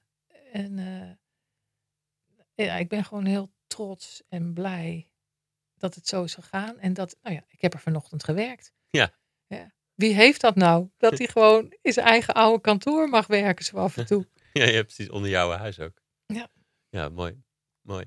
Eh, En je noemde hiervoor ook al het Taoïsme. En ehm er, er kwam, er kwam vlak na de start, of de herstart eigenlijk van je soort... Ja. De herstart van je... moet Ik, ik weet niet welke naam je, hoe jij dat beschrijft, maar Doorstart. doorstart van je... Ik zou een soort van tweede ondernemerschapscarrière of Ja. zo. Maar ehm, hoe is dat op je pad gekomen? En wat, wat, hoe, hoe ben je dat... Ja, wat, wat voor inzichten haalde je daaruit? Ehm, hoe ging het? Ik was eh, eh, voorzitter van een stichting. Of het bestuur van een stichting. En wij hadden een vergadering met, die, met het eh, stichtingsbestuur. Terwijl ondertussen eh, in het souterrain een professional organizer de berging aan het aanpakken was. Want die berging, daar kon je echt niet lopen. En eh, ik wist dat de ketel binnenkort, daar moest iets mee. Toen dacht ik, ja, die monteur, die kan je niet zelf een pad laten graven naar de ketel. Dus, en elke keer als ik dan die deur opendeed, dacht ik, oh nee, dit is echt too much. Weet je, dan deed ik hem maar gauw weer Ja. dicht. En, maar ja, op een gegeven moment moet je wat. En toen kwam er iemand langs en die vertelde dat ze eh, een opleiding tot professional organizer had gedaan. En ik zei, nou, ik, zei, ik heb wel een projectje voor. Dus zij in die berging. En ze kwam op een gegeven moment naar boven, klopte bij ons aan in die vergadering. Ze zei, ik ben klaar, het is fantastisch geworden. Misschien wil je even kijken, want ik ga zo weg. Nou, het hele bestuur mee naar beneden. Die wou het ook wel zien. En, eh, en we stonden daar met z'n allen. Dat was echt super netjes. Dat ik echt dacht, waar zijn al mijn spullen? Maar die zag ik dan toch wel weer terug. Er was eigenlijk maar heel weinig weggegooid. Heel Hmm. interessant. Georganiseerd zou je het kunnen noemen. Zeker, ik kan het iedereen aanraden. Eh, en toen zei een van die bestuursleden, Gert-Jan, die zei, ik ruik onderduikers. En ik dacht, oké, oké, oké. En vervolgens zei iemand anders, oh, dan moet je Hanneko bellen. Die ruimt dat wel op. Het zijn, die, ja, die, die andere was op het, op hetzelfde moment bij elkaar. Nee, wij stonden met dat Ja, hele ja. bestuur in, de, in dat bergingje. En zo ontstond er dus een gesprek Ja, opeens over onderduikers en hoe je er vanaf kwam. Ik had er allemaal, nou ja, ik vond het, ja, ik dacht het zal wel. Hmm. Eh, maar hij zei iets over die Hanneko, waardoor ik dacht, ik ga die vrouw wel bellen. Eh, dus dat heb ik de volgende dag gewoon gedaan. Eh, en dat was zo'n leuk gesprek. Zo'n intens leuk gesprek. eh, dat ik zei, zou je, zou je gewoon een keer willen komen kijken of jij ook denkt dat hier onderduikers hebben gezeten. En ja, dat was eigenlijk, zeg maar, door haar ben ik op dat pad terechtgekomen. Dus, dus ze heeft en, zeg maar, opgeruimd wat haar op te ruimen viel. Ja. Nou, dat was een event op zich. Hoe gaat zoiets in zijn werk? Nou. Want dit is niet meer de professional organizer waar we het nu over hebben. Nee, nee, nee. Dit, dit is anders. Dit heet, dit heet een, een geomant. Ja. En een geomant die ruimt dus eh, energie op die eigenlijk in de aarde zit, hè, in de grond waarop je woont en werkt. En die jou beïnvloedt.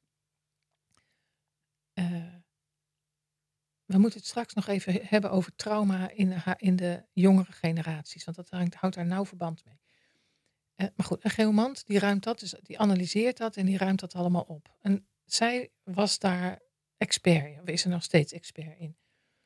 Eh, voor mij was het helemaal nieuw, maar toen zij, ze had wel gezegd, eh, kijk maar naar wat ik doe, want ik denk dat je het herkent. Hmm. En het gekke was dat ik niet met mijn hoofd, maar met iets snapte wat er gebeurde. Ja. En ik zag dat er meer licht in de ruimte kwam. Ik kan het niet beter zeggen dan dat. Zijn dit soortgelijke voelsprieten als dat je met systemisch werk merkte of zo? Of het- Nee, het is, dat is echt op een ander niveau weer. Hmm. Maar ook datzelfde dat je het niet kan begrijpen. Dat wel. Dat, ja, eh, dat, dat is de grote overeenkomst. dat, die, die bel gaat bij mij ook af. Ja, Ja. ik snap dit niet, maar ik geloof dat het werkt. En het, maar meer over hoe, hoe neem je het waar, zeg maar. Dus wat, Eh, eh, als je het goed vindt, ga, Ja. ga ik daar later over vertellen. Maar wat er dus gebeurde, was, zij was klaar. Ik voelde dat de energie in de kamer totaal veranderd Mm. was. En de volgende dag, iedereen die bij KW9 kwam, die vroeg, heb je net geschilderd? Wat is het hier toch fijn? Eh, wat een leuk hoekje, dat had ik nog nooit gezien. Dus mensen voelden dat er iets gebeurd was in de ruimte. ja. Toen dacht ik, dit is echt heel intrigerend.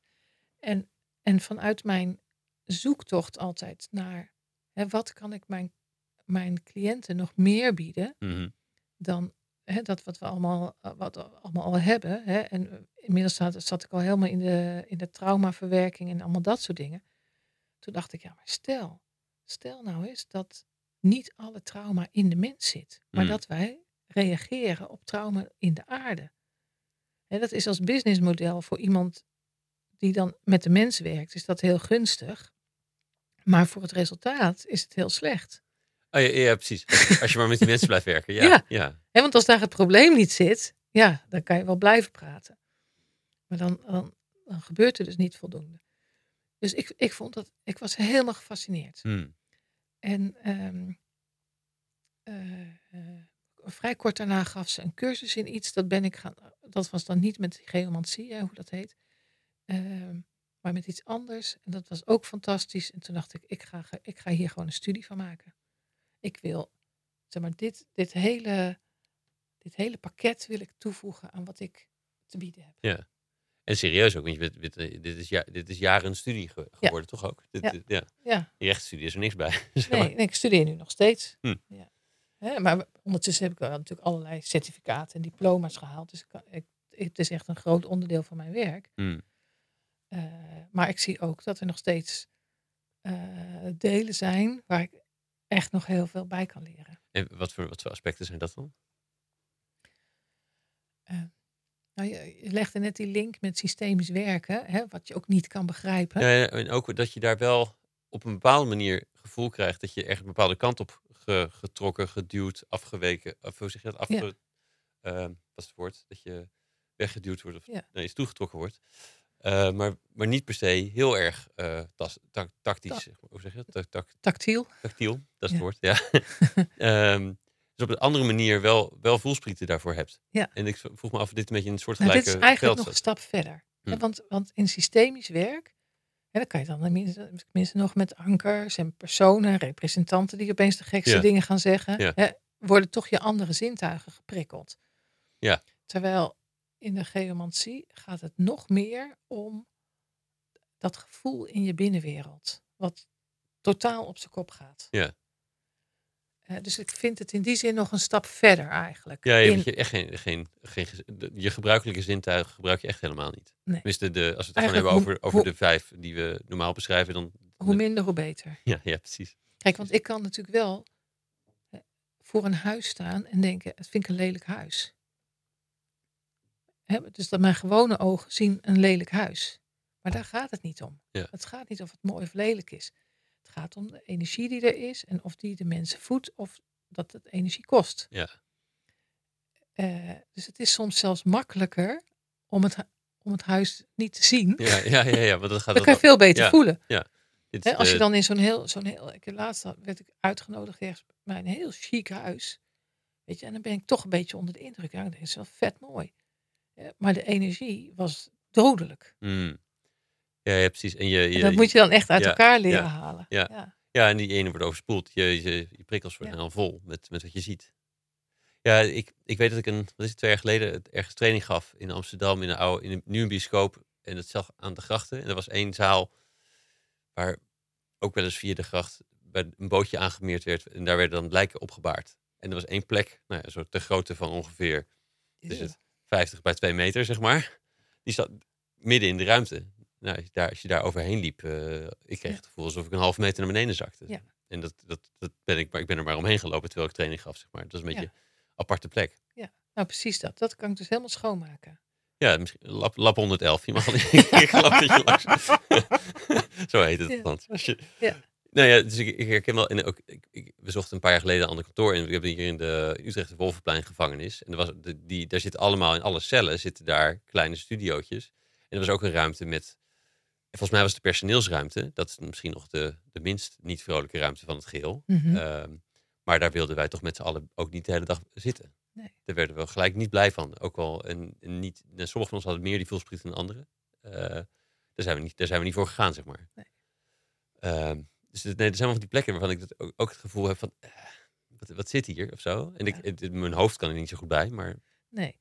Nou, en ondertussen hebben we wel zeg maar, een aantal dingen gemaakt om het zichtbaarder te maken. Hè? Mm. Dus ik heb bijvoorbeeld een verbinding gemaakt met eh, die piramide van Hawkins. Oké. En eh, Hawkins heeft een piramide die loopt van een, een omgekeerde piramide. En die loopt van beneden nul naar boven duizend. En het, eh, op de laagste, bij nul, dat is schaamte. En duizend is verlichting. En, en de rest van, van alle staten, boosheid, acceptatie, eh, eh, eh, vrede, eh, joy, gel- geluk en verlichting. Dat zit daar allemaal tussen. En, en hoe ik nu een, een plek meet, geef ik dan een, een plek in die piramide. Zodat je snapt van, oh ja, dus ik, ik heb inderdaad dingen waar ik me over schaam. Maar het heeft dus meer met de plek te maken dan met mij. Dus gebruik, gebruik je dan deze eh, prikkels? Eh, hij doet me denken aan schaamte, deze plek? Of, of het doet, ik krijg hetzelfde gevoel in mijn lijf als schaamte. Dus dit, hier Ja. zit iets in deze plek wat, hier nog, wat het naar beneden in die piramide haalt. Ja. Of dat- En, eh, en ik vraag, nee, het is niet zozeer dat ik dan eh, zeg maar, het heb over die plek. Hoewel ik, ik heb een, ook een geomantische opstelling. Dus ik heb die twee systemen verbonden. ja, dan vraag ik dat wel. Maar normaal, hè, stel dat iets echt op het niveau, een, stel dat een pand op het niveau van schaamte zit, mm, dan vraag ik, zijn er dingen waar jij je voor schaamt? En vertel daar eens over. ja. En soms is dat heel realistisch. Hè, soms, eh, eh, soms vindt ze ook een lastige vraag natuurlijk. Snap, snap ik ook. Maar soms hoor je dat wat zij zeggen bijna niet kan kloppen. en wat bedoel je? Niet klopt? Laat ik een voorbeeld geven. Eh, ik had een keer iemand. eh, het ging om, niet om een zakelijke omgeving, maar een thuisomgeving. En eh, toen dacht ik, er zit hier een vreemd soort trauma. Eh, dus toen heb ik, he- heb ik die jongen gevraagd: wat is jouw meest traumatische ervaring? Op deze plek ja. in dit, in dit huis. En toen zei hij, eh, ja, ik, ik woon hier al van kinds af aan. En toen ik zes was, toen wilde ik een hond en die heb ik niet gekregen. En daar is mijn leven veranderd. Oké. En dat vond hij ook echt? Vond hij echt. Vanuit mijn luisteren denk je dan, nou ja, als dat al een probleem is, ja, dat had je in 2013, zeg maar. ken ik er Ja. nog wel een paar. Ja. Maar als je dat serieus neemt, hè, en niet zozeer als dat dat daadwerkelijk het trauma is, maar dat er dus iets is eh, wat dat gevoel heeft wakker gemaakt in hem. Mm, En in de feitelijke wereld was het enige event wat bij dat gevoel paste dat hij die hond niet kreeg. Ja. Ja, dan is het bingo. ja. En, dan, en ook bingo in de zin dat je dan, dan heb je een aankomingspunt, maar ook het feitelijk event had hier op deze plek misschien een interpretatie of een verwerking die, die er, als je er gewoon rationeel naar kijkt, misschien niet, niet het meest logische is. Nee. En dus dan is er een, een, een, een punt in de, in de tijdlijn waar iets, iets onlogisch gebeurt of zo. Of, of Ja, dus onverklaarbaar er, wordt, dus er wordt iets. Je neemt een, een gevoel waar. Hè, zoals jij zegt, hè, we staan in die ruimte en wij worden niet blij. Mm, Hè, nou kan je, omdat je het een bezichtiging is, kan je meteen bedenken dat dat komt door die plek. ja, Maar als die plek voor jou normaal is, omdat het je huis is, Ja. dan denk je, nou, ik denk dat ik depressief geboren ben. Dus, eh, moeten we maar eens even een psych bijhalen. ja, precies. Dat is hetzelfde. Ja, ja, ja, precies. Dus, dus iedereen wil houvast. Iedereen wil een verklaring voor hoe hij zich voelt. En eh, dat is gewoon logisch. En als dat, als dat gevoel van buiten, door jou gevo- ge- buiten jou gevoed wordt, hè, niet in jou, maar echt buiten jou gevoed wordt, ja, dan moet je met verklaring komen van wat dan maar de beste optie is. Mm, Hè, en dan is het natuurlijk ook nog dat dat, dat voor een kind ander, moeilijker is om iets te bedenken dan voor een volwassene. Ja, nee, uiteraard. uiteraard. Ehm, ik had nog één vraag, vraag over.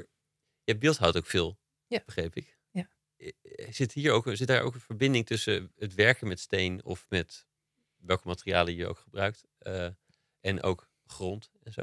Of, of, Ja, het is grappig. Ik ben begonnen met beeldhouden voordat ik me in dit vakgebied eh, verdiept had. ja, En ehm, eh, eh, ik heb vanaf het begin gezegd, laat mij maar hartjes maken. oh ja.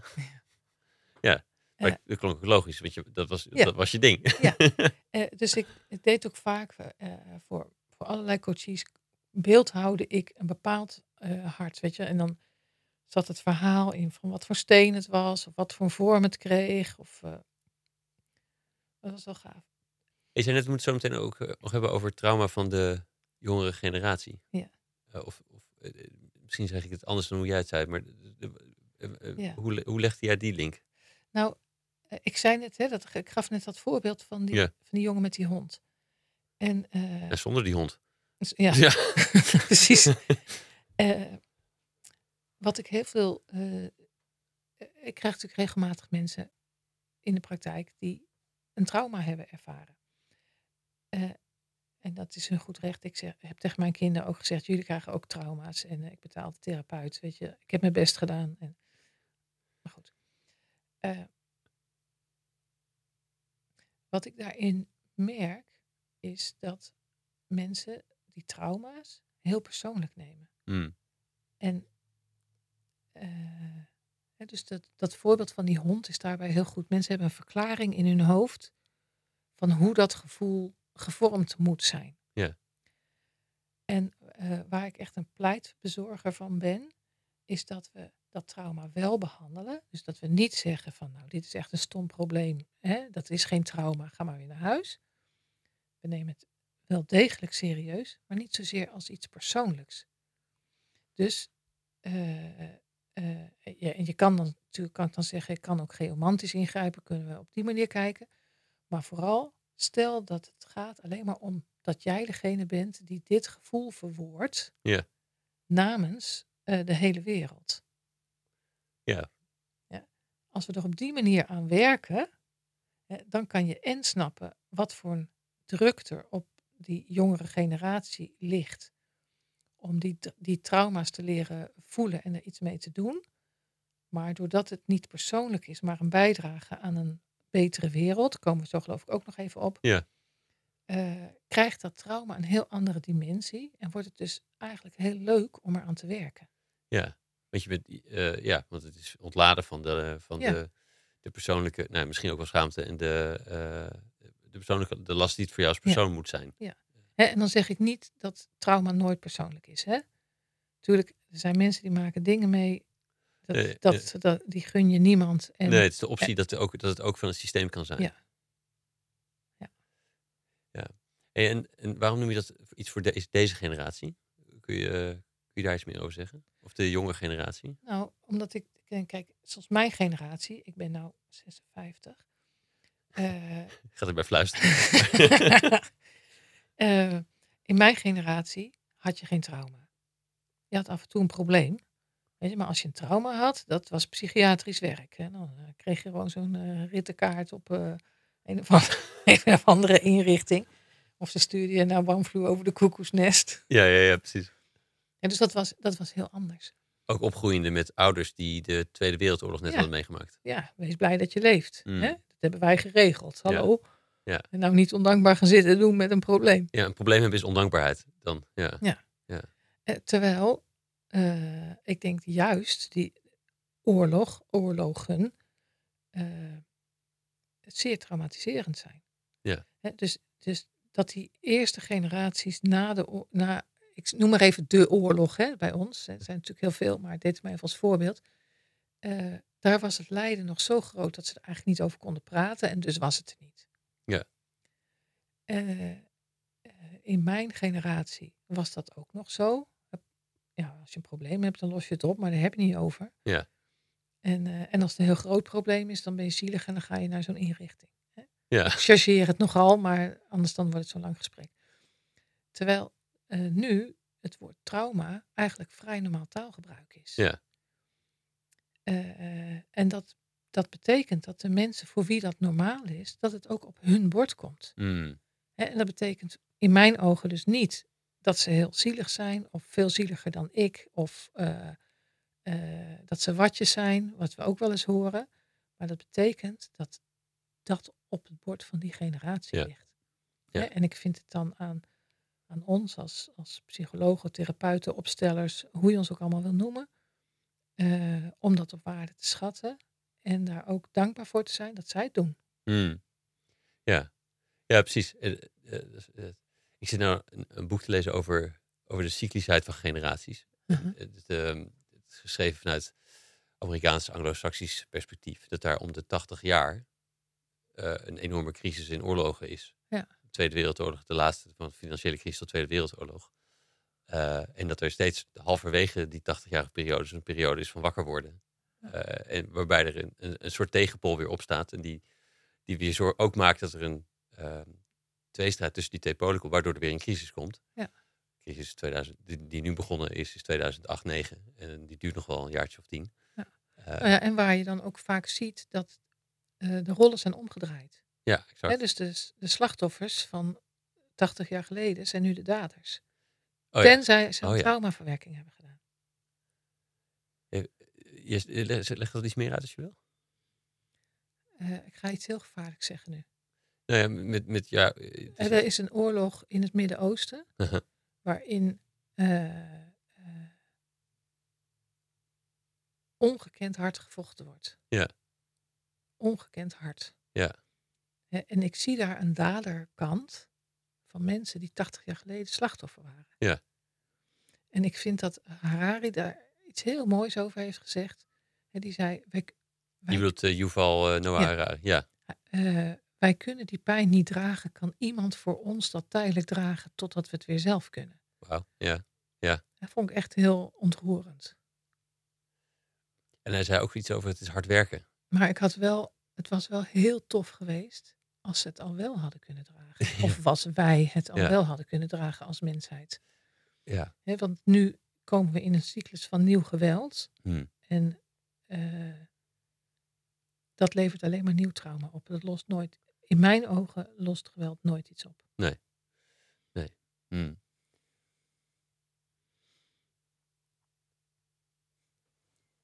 Ja, hoe, hoe, hoe, van, hoe voor hiervan, hiervan verder te gaan.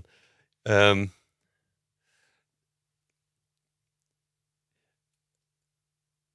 ik, zit, ik zit nog even met hoe we, hoe we naar een echt duurzame wereld komen dan. Ja.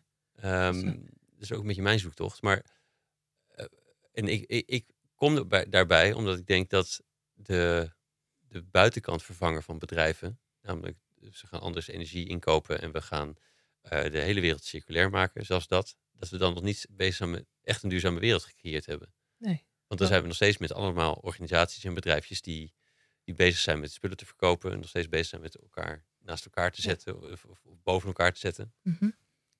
Ehm, wat nog steeds niet echt een wereld is waarbij we echt in harmonie leven met, met, de, met de planeet. Nee.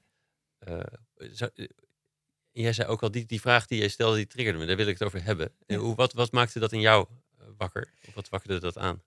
Eh, nou, wat ik heel leuk vond, was dat jij, eh, toen je mij uitnodigde, vroeg van, eh, heb je misschien ook nog boeken die je, die Ja, je tof vindt? Nou, ik ben, ik ben echt een fanaat. Weet je, ik lees zo graag. Was dit een moeilijke vraag ook daardoor trouwens? Maar ik wist wel meteen welke Mm. twee boeken ik mee wilde nemen. Ehm, dus ik heb eh, Braiding Sweetgrass hè, van Robin Wall Kimmerer meegenomen. Eh, in het Nederlands vertaald als een vlecht van heilig gras. Eh, en eh, los van dat dit volgens mij een boek is wat iedereen moet lezen. mocht ik al zoiets kunnen opleggen. Het is een super inspirerend boek. Was er één ding wat me echt als een bliksem trof. Het staat vrij in het begin van het boek. Eh, zij vertelt dan over de. Zij is Indiaans, hè? En, eh, en zij vertelt over het scheppingsverhaal van haar volk. Ja. En dat eh, is dat Skywoman, zeg maar onze Eva, als ik het even een beetje plat mag vertalen. Dat Skywoman naar beneden kwam uit de hemel, landt op de rug van een schildpad. Die schildpad die denkt, ach, maar die vrouw die heeft natuurlijk grond nodig. Die kan niet zomaar een beetje hier in het water. En die roept alle dieren op om een beetje modder te komen brengen, zodat eh, Skywoman land krijgt om op te leven. En dan blijkt dat ze allemaal zaadjes heeft meegekregen uit de hemel en die gaat ze zaaien en zo komt het leven op gang.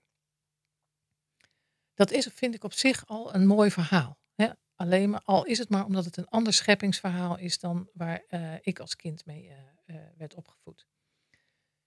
Maar daarna zegt ze iets, en dan komen we op het moment van die bliksemschicht, dat ze later, dat zij het scheppingsverhaal van Adam en Eva eh, las. Oh ja, De schrijfster of de... De schrijfster. Ja, ja, precies. Ja. En dat zij zich toen realiseerde wat het grote verschil is tussen indigenous people of inheemse volken en eh, niet-inheemse volken.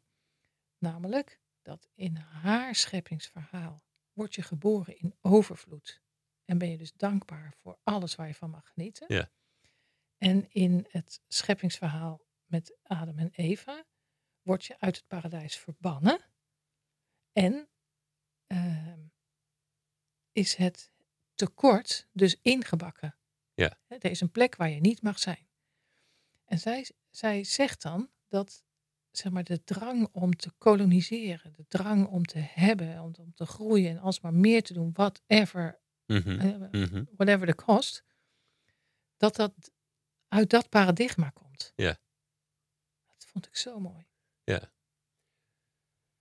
Ja, eh, eens. Ik, ik, ik, ik heb hem ook gelezen. En het is opeens wordt het duidelijk van hey, we werken vanuit een hele andere mythos. Ja. Eh, en en Ja. ook dus, als, als, je, als, als, je, als daar dus niet iets verandert, dat je dus blijft, blijft Ja, gaan op deze... En dat vind ik dus, om die link te leggen met je vraag over duurzaamheid.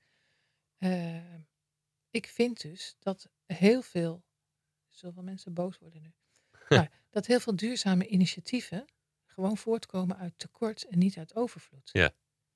En natuurlijk irriteert dat. Weet je, dan werkt voor geen meter.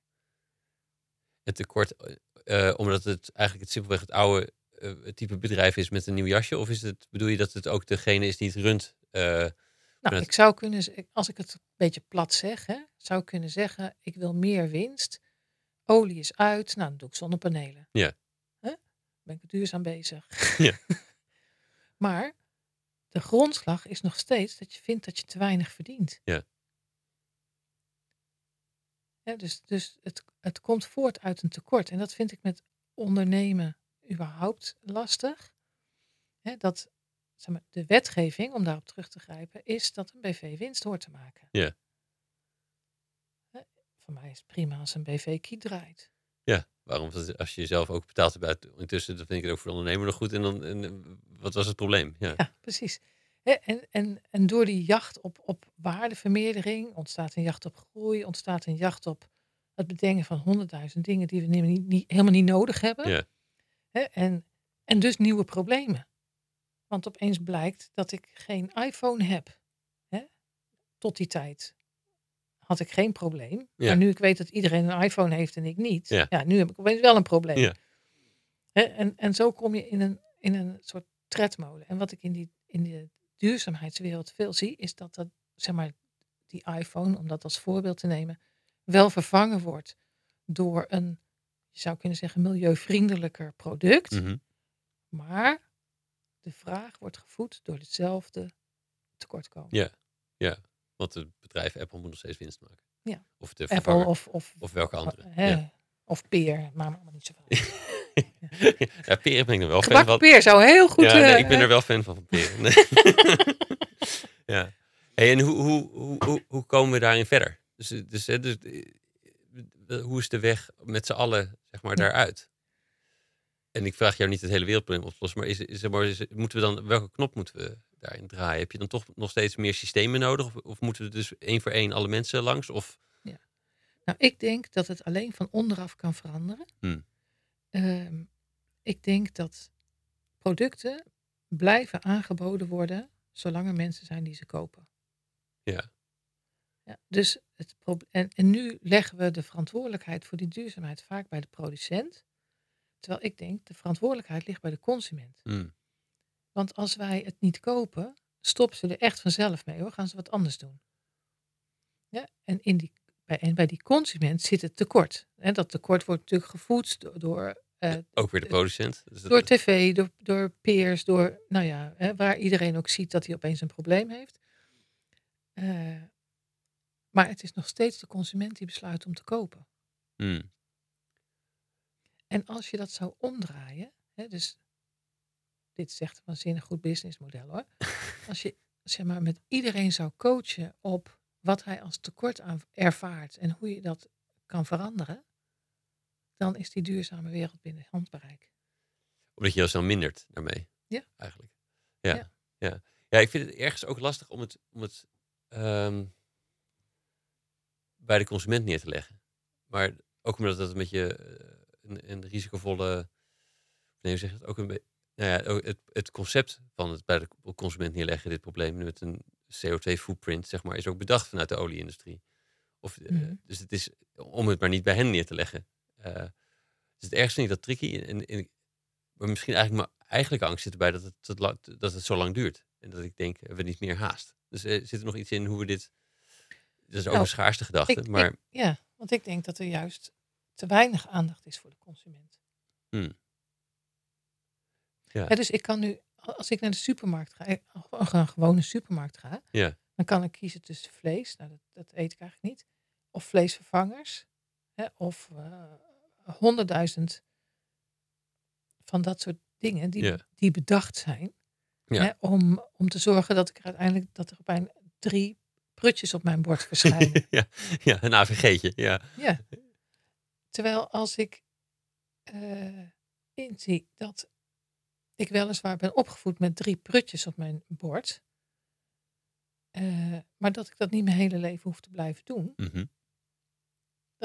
lijkt de kans mij persoonlijk heel groot dat ik nooit meer vleesvervangers koop, want ik heb nog nooit een, echt een lekkere gehad. ja.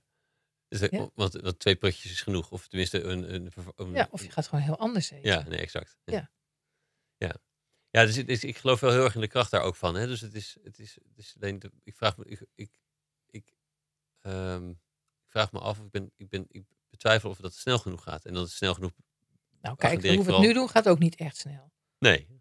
Nee, maar we leggen ook niet heel veel verantwoordelijkheid nog bij de, bij de producent, vind ik, als ik het eerlijk ben.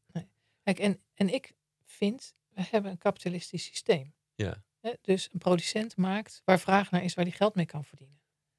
Maar is dat niet ook een, ook een En dan systeem? kun je wel met heel veel regelgeving proberen in te dammen. Mhm. Maar daarmee lok je, wat mij betreft, uit weet je, hoe je al die geitenpaadjes ontwikkelt. Ja, regels maken geitenpaadjes. Ja. Eh, ja. Ja. Want als je dan toch geld kan verdienen, dan doe je dat.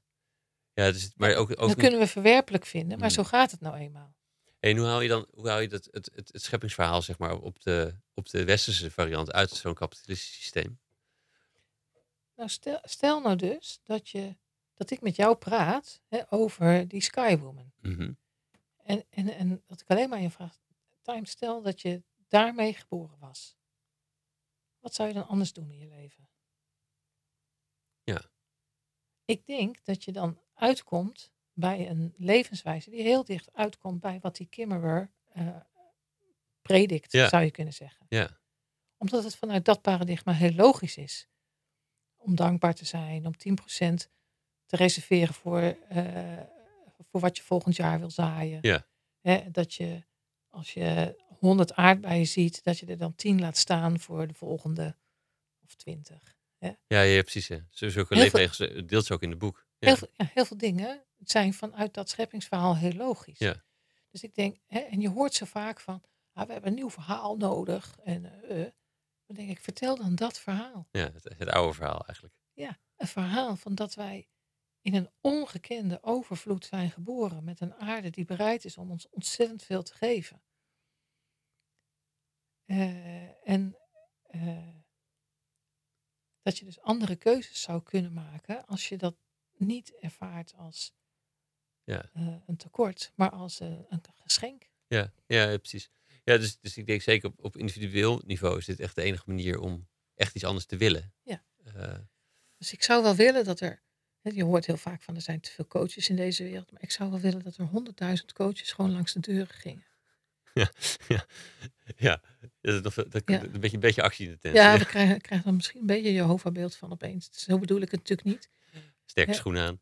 Ja. Hè, maar ja, het kan volgens mij. Hmm. Nou, dat is het ene over duurzaamheid. Het andere ehm, is, ik heb nog een boek meegenomen namelijk. eh, Earth Emotions. En dat is geschreven door Glenn Albrecht. Dat is een Australische ecofilosoof. Hij is half aboriginal. En eh, hij kwam op een briljant idee. Want hij zei, we gaan een nieuw tijdperk. Dat is duidelijk. Hè? We zitten nu in het Anthropoceen. Er komt vanzelf een nieuw tijdperk. Maar hoe kun je naar een volgend tijdperk streven als je terwijl wij zo'n verbale maatschappij zijn geworden, Ja. als je geen woorden hebt voor waar je eigenlijk naar streeft. Ja. Hè, ook geen woorden hebt voor waar je eigenlijk last van hebt. Ja. En eh, de Earth Emotions is een soort woordenboek voor de volgende periode. En eh, hij heeft paar woorden eh, uitgevonden waar ik echt heel erg weg van ben. Ik ben heel benieuwd. Het eh, eerste woord wat, eh, waar ik echt heel blij van word, is het symbioseen. Hmm. En het symbioseen, het boek is in het Engels geschreven. Moet ik het on the spot vertalen of zal ik het in het Engels doen? Engels mag hoor, zeker. Oké. The Symbiocene is the era in Earth history that comes after the Anthropocene. The Symbiocene will be in evidence when there is no discernible impact of human activity on the planet other than the temporary remains of their teeth and bones. Everything that humans do will be integrated within the support system of all life and will leave no trace. Ja. En als, als ik daarover nadenk, hè, dan denk ik bijvoorbeeld, ik hou altijd van, ik, ik hou van goede ideeën, maar ik hou ook van dat het praktisch is. Hè? Ja. Dan denk ik dus bijvoorbeeld, ik heb nu een vet huis op de Schelling. Ik bedoel, ja, ik vind het zelf heel vet. Maar als ik nu morgen doodga, dan laat ik dat dus achter als spoor. Hè, terwijl in het symbioseen wil je eigenlijk dat je geen sporen achterlaat. Ja. Dus nou kan ik twee dingen doen. Ik kan denken, laat die El nee, drie dingen. Ik kan denken, laat die Elbrecht me kletsen. Eh, ik ga daar gewoon wonen Ja. en zoek het Zoek uit. het uit. Ja. Al dat gedoe met verantwoordelijkheid hebben we geen zin in. Ehm, ik kan ehm, zeggen, dat is het probleem van mijn kinderen, die erven dit. En ze zoeken het maar, de- zij eh, lossen het maar op. Dat is eigenlijk waar we heel vaak weerstand tegen hebben. Hmm. En ik zou ook kunnen zeggen, ik zoek uit wat het kost om mijn sporen te vernietigen. En dat geld reserveer ik voor als ik dood ben. Ja. Als je het heel economisch wil oplossen, Ja. is, is dat in ieder geval een kant. Ja. Ja. Dus als je op die manier nadenkt, ja, dan ga je ook weer heel andere keuzes maken. Omdat zeg maar, de sporen die je verzamelt, Hmm. eh, economisch ergens veranderd moet, wordt- moeten worden. Ja. Ja. En dan is het ook niet meer zo leuk bijvoorbeeld om te erven. Dan is het fijn als je niet erft. ja, ja, precies. Ja. Je hebt wel Dus wat het- werk te doen als je het Het erft. lost ja. heel veel interessante problemen op. En een bedrijf kan, moet ook zijn sporen opruimen. Dan heb je dat ook gelijk opgelost. Precies. Ja, ja. Dus dat vind ik heel mooi. eh, To leave no trace. Hmm. En, ehm, en nou, zo heeft hij een hele bibliotheek gemaakt. Ja. Maar er is dan nog één ander woord waar ik dan ontzettend eh, ja, echt ontroerd van was. En dat is eh solastalgia. Solistalgia. Dus hij maakt zelf woorden. Hè? En solastalgia omschrijft hij als the pain or distress caused by the loss or lack of solace and the sense of desolation connected to the present state of one's home and territory. Hmm.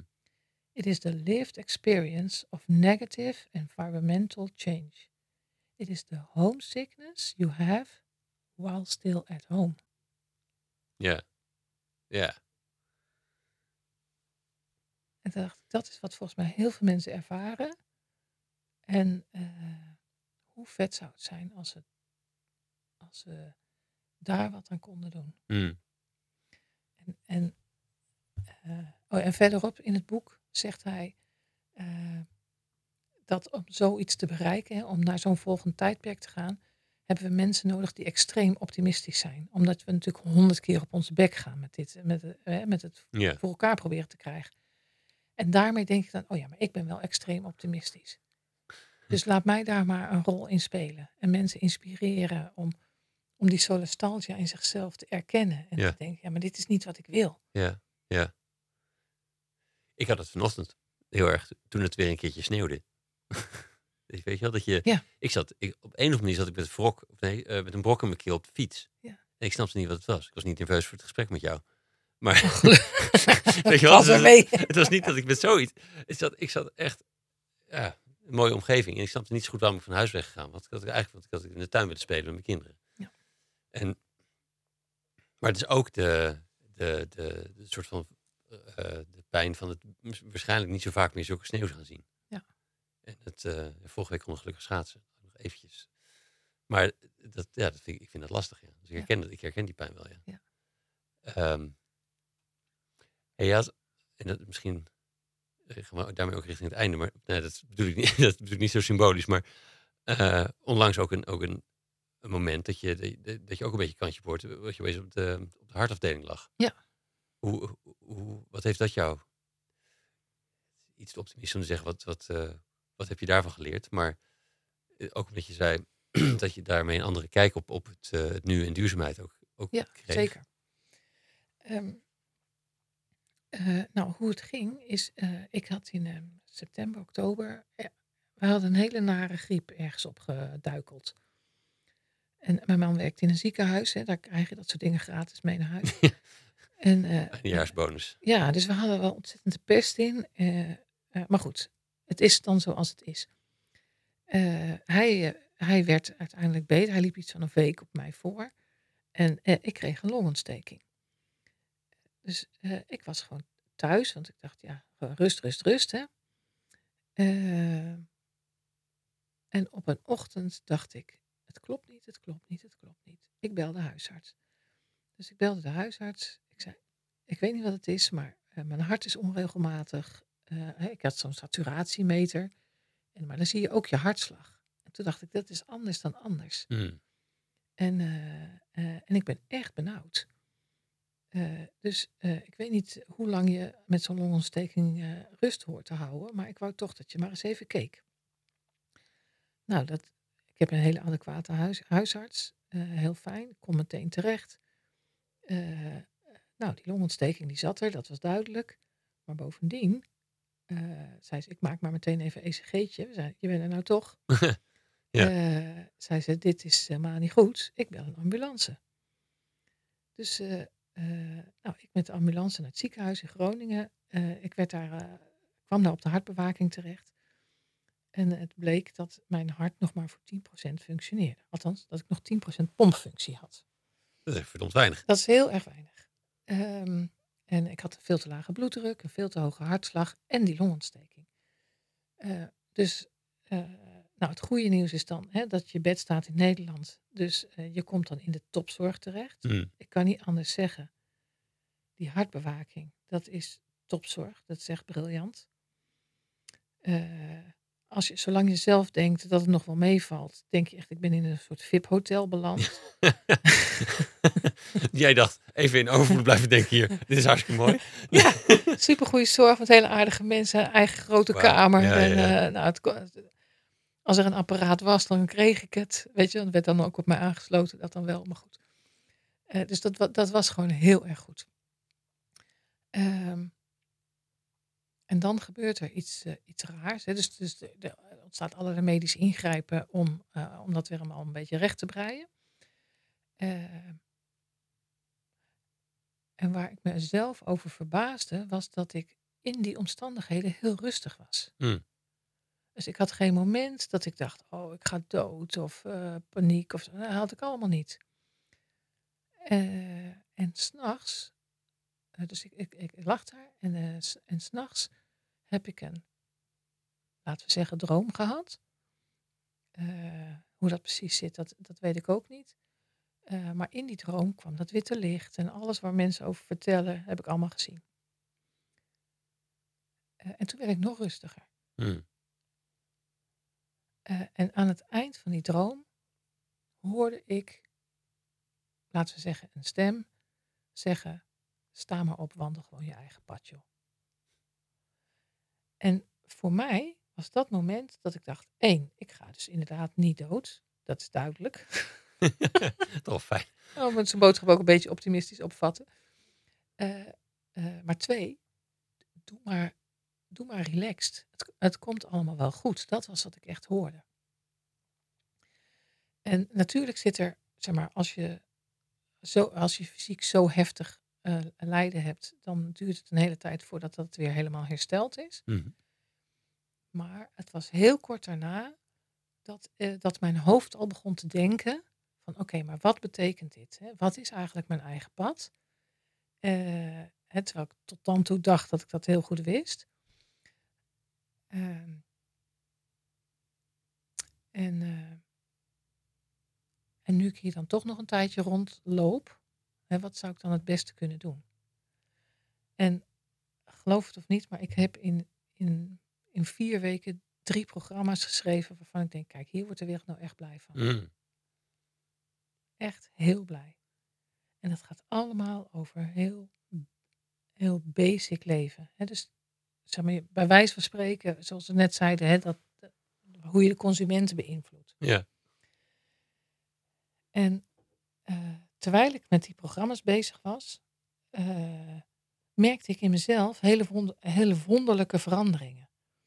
Dus eh, eh, los van dat ik heel blij was dat, eh, dat ik weer herstelde en zo, eh, ontdekte ik bijvoorbeeld dat ik tot mijn opname, als ik ergens kaas zag staan, dan werd de craving al in mij wakker. Ja. hè? Ja.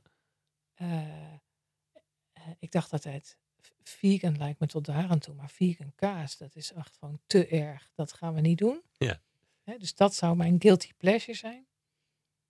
En nu, ik kan wel een plakje kaas eten, maar ik, die craving is helemaal weg. Mm. Dus er is iets in mij gebeurd, waardoor, en dan kom ik terug op dat idee van dat tekort. Ja. Er zijn ideeën van tekort verdwenen door die ervaring. Ja. En dat zijpelt helemaal door in alle drie die programma's. Ja, mooi. En daarvan is één programma gewoon voor zo'n consument, zullen we maar zeggen. ja, ja, ja, ja. Los je eigenlijk kort op. Ja. Eén probleem is voor organisaties, of één, één eh, programma is voor organisaties. En één programma is specifiek voor organisaties die zichzelf duurzaam vinden. Mm. En eh, als, ik, als ik die laatste eh, mag inspireren tot een volgende stap, dan zit hier een heel dankbaar mens. Mm. Ja, mooi. Mooi. Ik ben heel benieuwd. Zijn ze, zijn ze al eh, ergens online of te vinden? Of? Nee, ze zijn nog niet online. Ik heb altijd geleerd, een baby moet je eerst maken. Hè? En, eh, en dan als die helemaal af is, Dan mag je hem aangeven bij, de, Dan, bla- eh, bij het gemeentehuis. mag het geboortekaartje de deur uit. Oh, ja, Of, ja. of je mag het aangeven, Ja, kan ook nog. Eh, hè, dus we, we naderen de bevalling. Mm. Ja, Ja. En ik, ik weet niet hoe je dat doet, maar misschien kunnen we dat via de website of zo communiceren. zeker. Of zeker. kunnen mensen jou mailen dat ze op mijn mailinglijst of zoiets. Nee, ik heb, ik heb uitgebreide show notes met linkjes. Dus dat, aan dat geen gebrek. Ja.